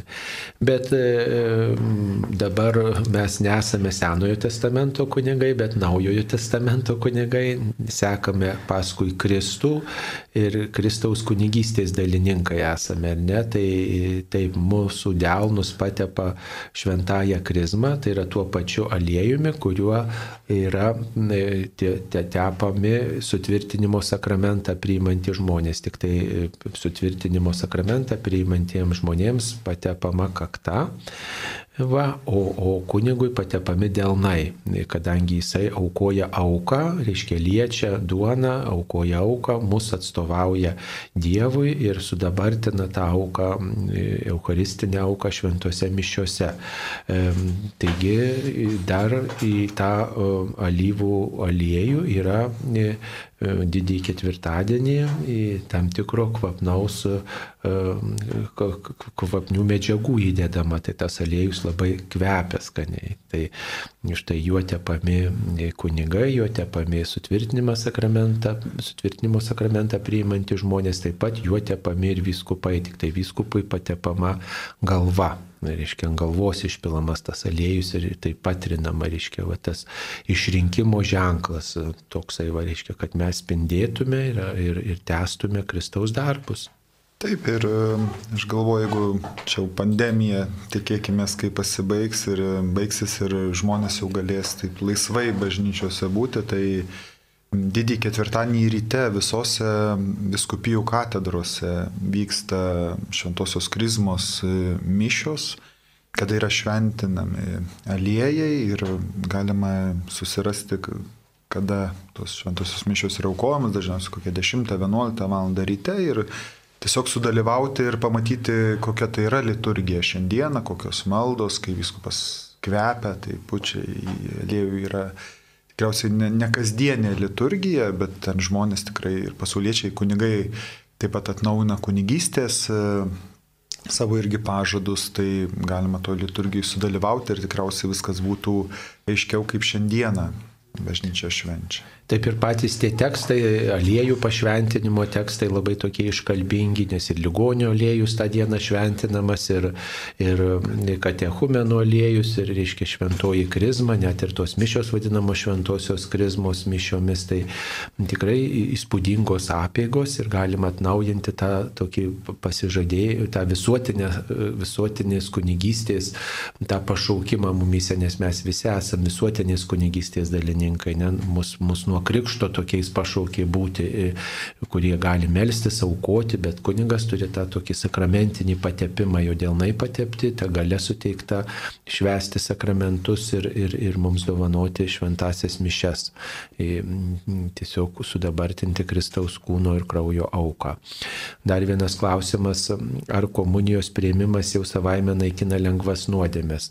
E, reikia pasakyti, kad prieš komuniją yra tas toks maldos aktas, momentas, kada mes sakome viešpati nesuvertas, kad užeitum į mano širdį, kad ateitum į mano širdį, bet tik tark žodį ir mano siela pasveiks. Ne, iški, nesuvertas, tą tokį nevertumą, silpnumą išgyvenam, tai irgi tam tikras atgailos išgyvenimas ir pasiruošimas priimti priimti viešpati, o pats komunijos prieimimas, Dievo artumo išgyvenimas, aišku, kad jis bet kokį silpnumą, bet kokį mažumą jisai, jisai nu, pridengia užgožia, aišku. E, ir, ir netgi tą didelę nuodėmę gali užgožti, bet mums tai yra žala, kad mes nepasiruošę. Ne? Tai dėl to net ir einant iš pažinties patartina ne tik sunkes nuodėmės išpažinti, bet ir lengvas. E, tokiu būdu mes labiau pasiparuošiam savo širdį, labiau tą to tobulumą savį išgyvenamų, kuo žmogus yra labiau atviresnis, tobulesnis, šventesnis, tuo tas susivienijimas su Dievu yra gilesnis. Mums paskambino. Dar kartą Vladzė iš daugų. Taip, mėla Vladzė, klauskite. Garbėjai Kristui. Paramžius. E, norėčiau paklausti tokiu klausimu. Kodėl dabar į šių laikų maldynus yra neįtraukta litanija užmirusius? Juk ankstyvesniuose maldynuose visą laiką būdavo senesniuose dar Lietuvo, Lietuvos laikais, o dabar nėra. Ir tiesiog propaguojama užmirusi melstis Jėzaus vardo litaniją. Norėčiau sužinoti. Na, matote, tai propaguojamos ir kitos maldos, ir rožančius gėdamas, ir gėdamos įvairios giesmės.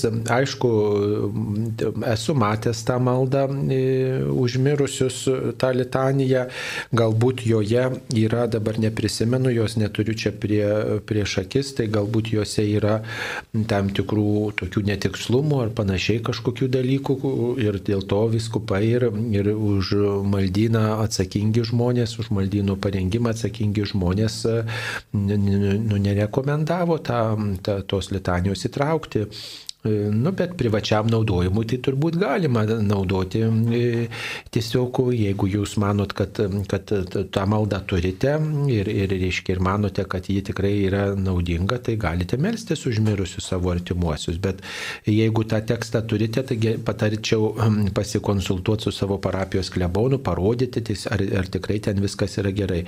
Nu, žinot, maldinė tai tikrai nesumatęs litanijos užmirusius, kad būtų ir senuose maldynuose. Tai reikėtų tikrai pasitikslinti, ar tikrai maldynė jūs matėte. Gal taip, kažkokiam, žinot, iš rankų į rankas yra visokios maldos, kur plinta, tai galbūt tokiu, tokiu būdu jūs pasiekė. Tai reikėtų pasitikslinti, bet, nu, privačiai melstis galim taip, kaip mes mokam, kaip suprantam ir, ir to, tokias, kokias maldas turime. Tačiau visada reikia nu, naudinga dvasiškai turimus tekstus parodyti kunigui, o dar geriau vyskupui, jeigu kur nors, reiškia, turite galimybę galimybę e, jį sutikti ir šitas maldas parodyti. Taip, e, mums paskambino. Algirdas iš Vilniaus. Taip, Algirdai klausia. Kodėl yra... Gar, garbėsiu Kristai. Per amžius.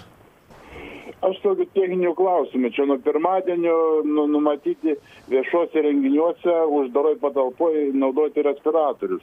Kaip čia bus su šventom mišiom ir su įvairiais mal, mal, mal, maldos grupėmis, kaip čia, ar reikės respiratorius, ar užteks kaukė. Visko nėra nusprendimų. Ne, kol kas nieko negirdėjome, nebent, nebent kažkas pasieks mus šiomis dienomis. Šiaip tai medicininės kaukės kol kas nėra nei atšauktos, nei paneigtos. Medicininės kaukės arba respiratoriai tikrai jie tinkami naudoti ir, ir, ir reikia naudoti juos ir bažnyčioje, ir, ir, ir mūsų susitikimuose. Tai a, gražu, kad rūpinate savo ir kitų sveikatą. Na va, taip, ačiū. Dar viena žinutė apie šventąją Brigitą. Taip, nes Marijos radijas čia e, tokias maldeles su e, atviruku siuntė e, šventos Brigitos maldos, išganytojo pažadai šventai Brigitai. Tai šventoji Brigita iš Švedijos, jinai yra Švedė, mirusi 1373 e, metais, taigi prieš 700 e, metų ji jau mirusi ir ji ištekėjusi moteris buvo už krikščionio ir turėjo net aštuonis vaikus ir draugė su vyru įkūrė e, ligoninę ir toje ligoninėje ligonius lankydavo tokia, žodžiu, buvo slaugytoja ir, ir godėja ir, e, žodžiu, tą darydavo tokių, iš tokių krikščioniškų sumetimų. Ir įprato nuo pat, e, žodžiu, savo gyvenimo dienų, jaunų dienų tarnauti, tarnauti vargšams. Beje, jis sulaukė 70 metų amžiaus, tai kaip tiems laikams tai tikrai yra toks solidus amžius.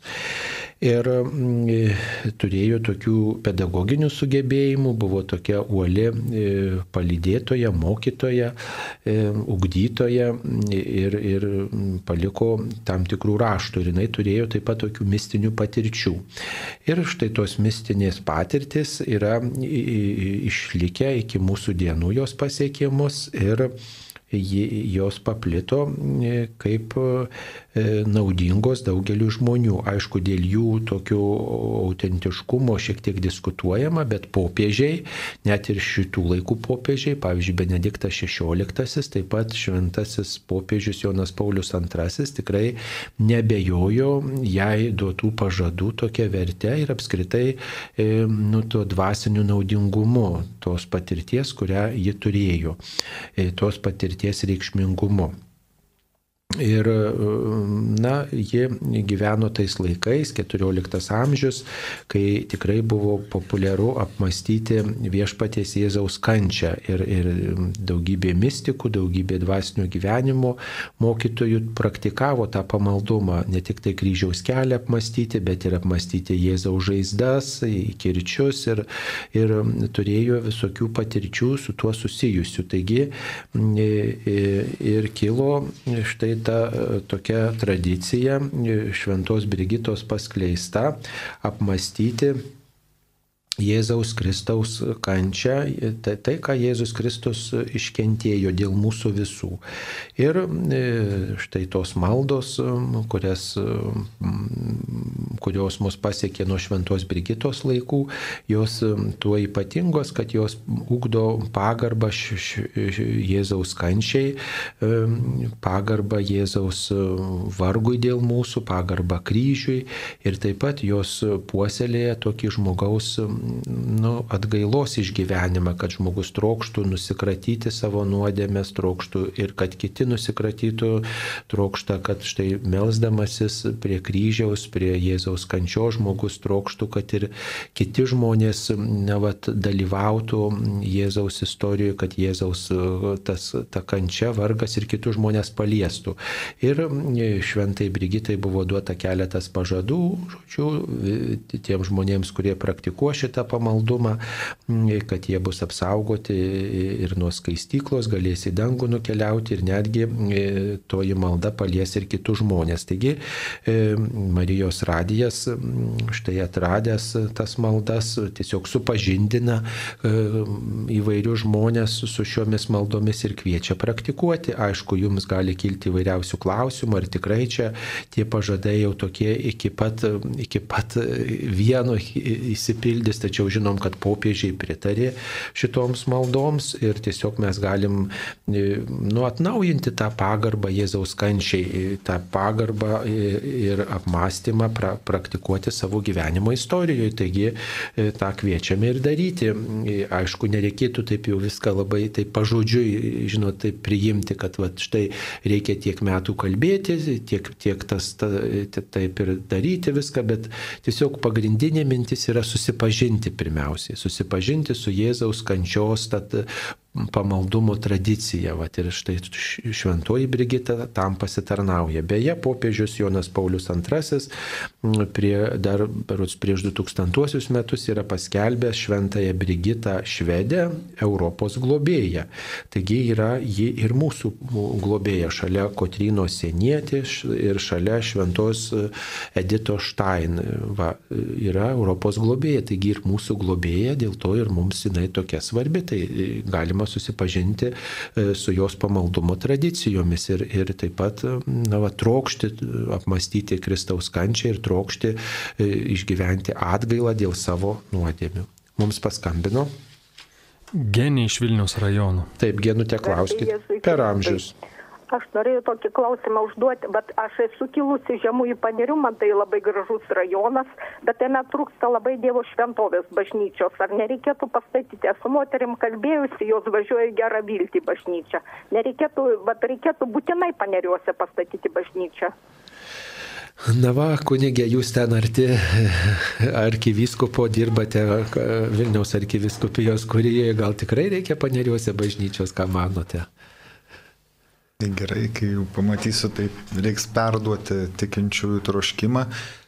E, iš tikrųjų, na kaip bažnyčia į visą laiką ir ypatingai ganytojai stebi bendruomenės ne, ir jų poreikius ir ten, kur yra įmanoma, tai stengiasi, kad Dievo namai atsirastų. Ir mes žinom, kad ir šiuo metu Vilniuje irgi yra kuriama Švento Jono Pauliaus antrojo parapija, ne, nes tie rajonai labai išaugo, yra dideli ir jau žmonės, kurie, va, jiems tampa nepatogu pasiekti, ne, toliau esančias bažnyčias ir jie tada išreiškia poreikį, prašo, kad, na, bet arčiau jų namų atsirastų bažnyčia ir, ir tas dabar vyksta, tai nėra gal tokie labai greiti procesai, ne, tai reikalinga ir bendruomenė, čia nėra taip paprasta parapiją įsteigti, ne? tai turi būti ir žmonių grupė, ir galinti gyvuoti kaip bendruomenė, negalinti ir turėti savo maldos e, namus, tai e, prašymus visą laiką galima pasakyti, turint e, žmonių, jeigu na, vat, yra didelis poreikis, ne? arba mes žinom, keliose irgi vietose šalia Vilniaus irgi yra bendruomenės, ar balsiuose, ir kitur, kur tikrai prašo, sako, yra mes esame augančios bendruomenės ir mums, nu, bet irgi tikriausiai būtų pravartu, ne, ir naudinga turėti arčiau namų savo maldos namus. Tai Na tai tikrai reikia telkti žmonės ir tiesiog uh, kalbėti su viskupais, tiesiog kreipkitės į kuriją, vat, žmonių grupė ir tiesiog išdėstysite savo, savo mintis. Mums paskambino. Aldona iš Kauno. Taip, Aldona, klauskite. Gerbė Jėzų kunigėlėje. Per amžius amen. Labai gerbė tokius žmonės, kurie dar dirba jau. E, aš noriu, tokių, man kyla daug tokių klausimų. Kodėl Kristus žengdamas į dangų, kurio nežinom, kuris yra, nepaimu iš kat Marijos, o paliko tą žemę gyventi. Ir kiek metų būdama Marija mirė.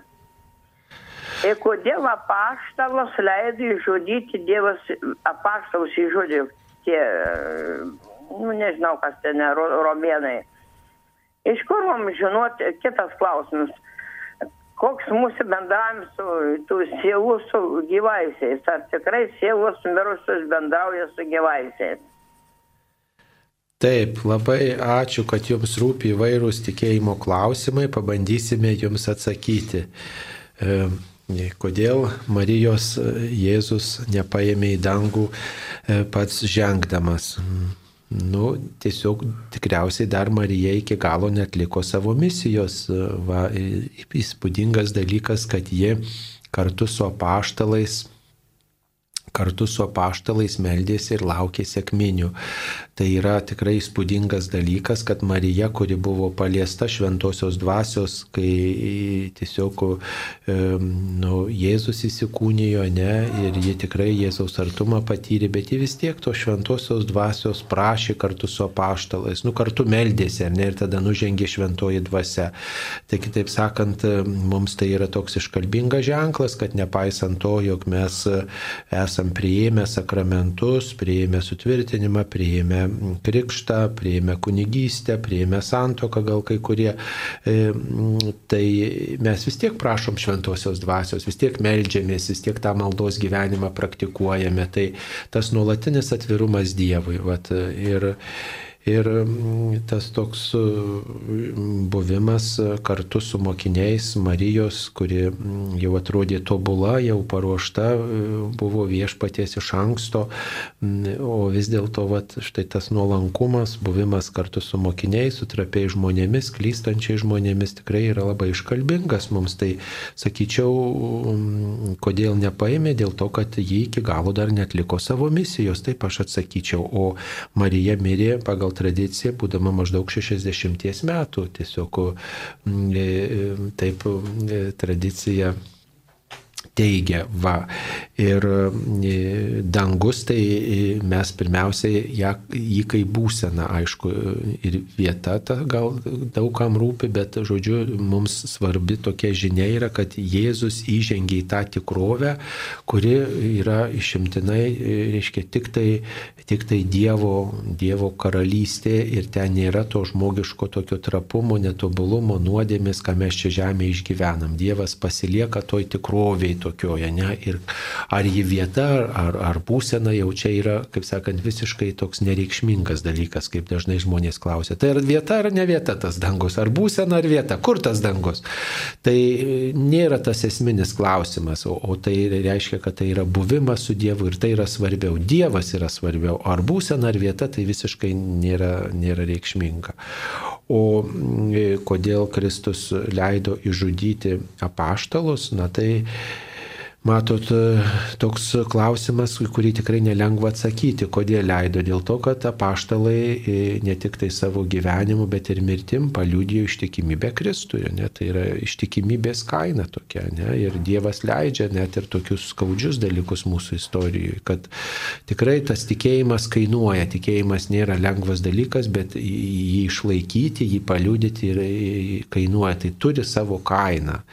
Ir, ir, ir tik toks tikėjimas tikėjimas jis yra nu, toks brandus, kuris kainuoja, į kurį dedama pastangų ir kuris net tokiu radikaliu būtų yra paliudijamas.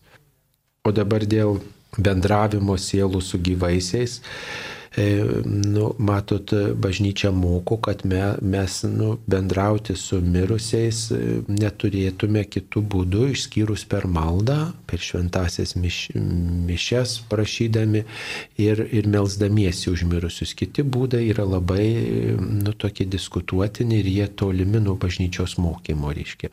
E, žinom, kad nuo pirmųjų amžių, va, tas Augustino motinos Monikos liūdėjimas, ne kad prisimink mane švento šventosiuose mišiuose.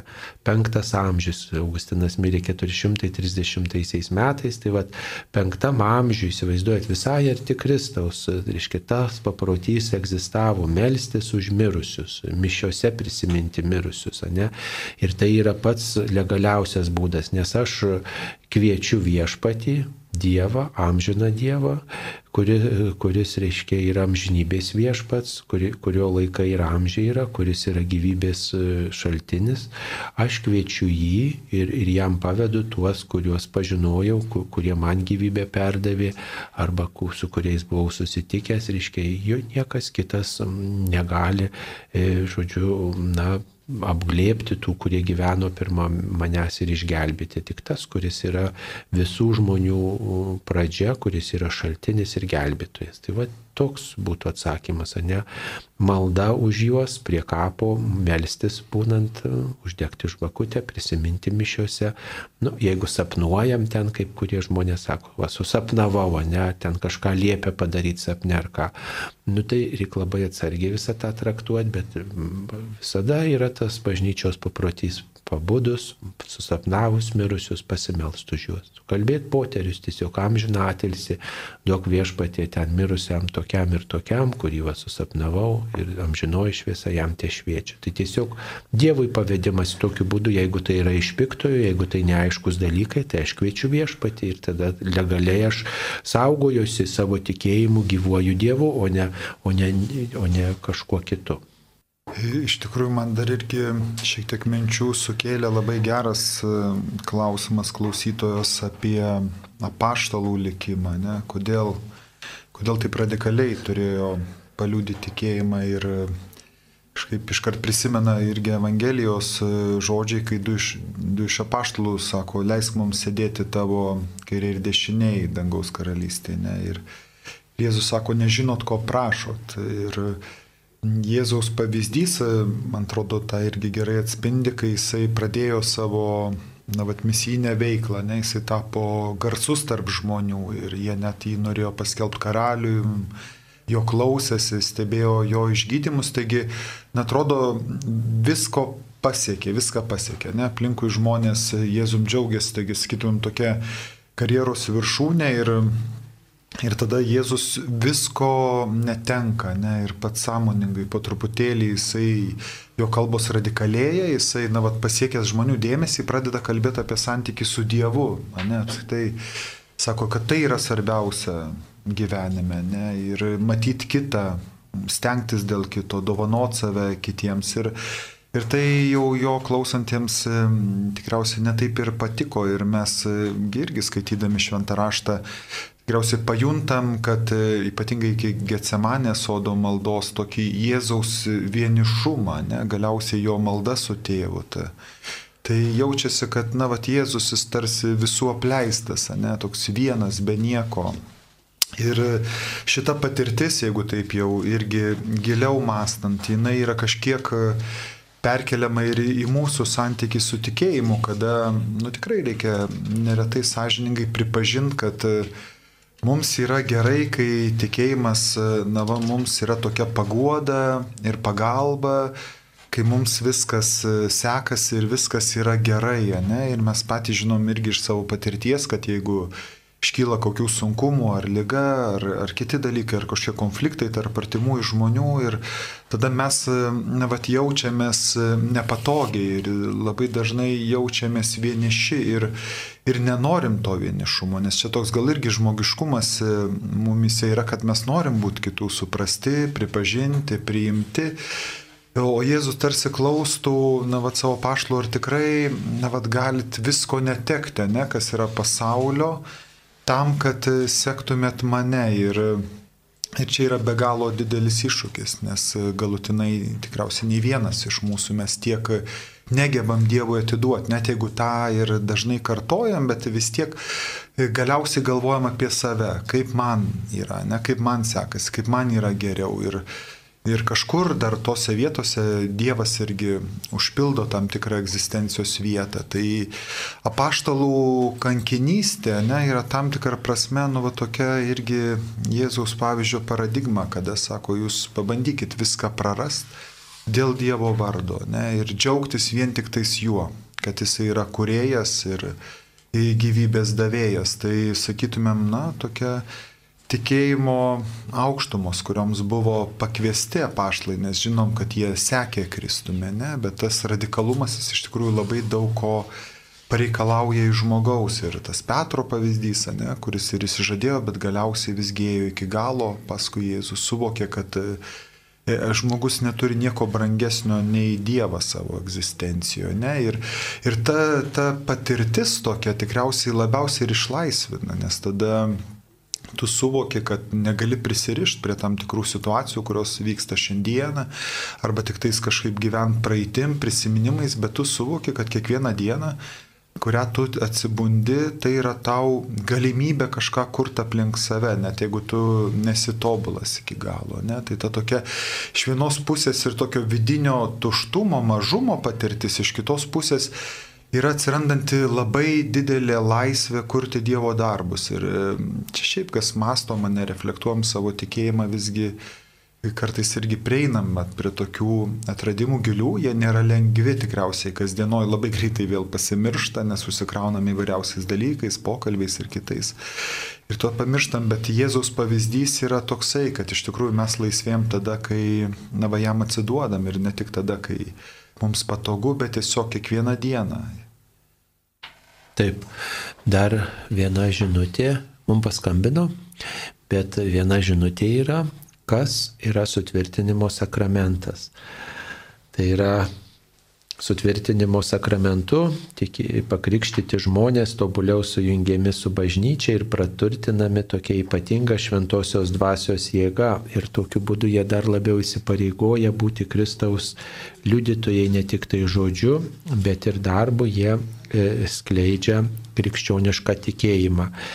Taigi sutvirtinimo sakramentas kartu su krikštu, krikšto ir Euharistijos sakramentu u, u, tiesiog užbaigia į krikščioninimo e, sakramentų pilnatvę, reiškia labiau tampame e, krikščionimis, tokie pilnaverčiai krikščionys esam, pil, e, nu, gal net nepilnaverčiai žodis tiktų, bet tokie, e, tokie labiau sąmoningi krikščionės, kurie sąmoningai prisima e, krikščionišką tikėjimą ir nori nešti tikėjimo žinę visiems. Jie patepami vyskupo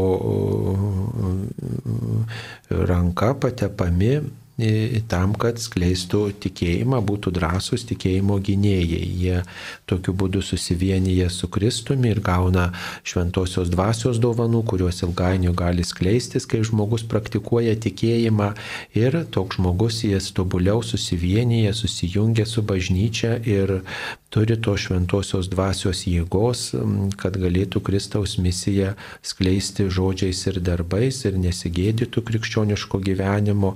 Dėl to E, sutvirtinimo sakramentą priima jau tokios brandos, kiek įmanoma daugiau pasiekia žmonės e, ir na, yra kviečiami tuos sutvirtinimo sakramento vaisius visą gyvenimą skleisti, praktikuodami krikščionišką tikėjimą ir maitindamiesi Euharistiją. Taip, mums paskambina Onutė iš telšių. Aš noriu, aš noriu paprašyti gerbę Bužauską. Jis toks brangus, jis toks man ir brangus kunigas. Aš nežinau, atskirai gerbiu aš jį. Kodėl, kodėl ne, ne, nerekomenduojama, dabar yra vakar, girdėjau žinias, kad reiškia nėra, nėra, reiškia, nėra buvę tokios įtemptos padėties, reiškia, politinė arenai, kaip dabar, ką yra. Tai prašau, kad, kad mes pareikalauti tiesiog iš, iš bažnyčių, kad reiškia gėduoti šventą, švenčiausią Dievą, švenčiausią trejybę, Dievas mūsų prieglauda. Šitai patį Dievą kreiptis, išgelbėti, kad tik tai Dievas gali išgelbėti dabar pasaulį nuo karų. Į Mariją kreiptis, šventas Dievė kalbės, gėduoti, kiekvieną suprant po mišių. Šitai, paskui ponė, ponė karaliaus, šitai labai reikšminga, brangi giesmė.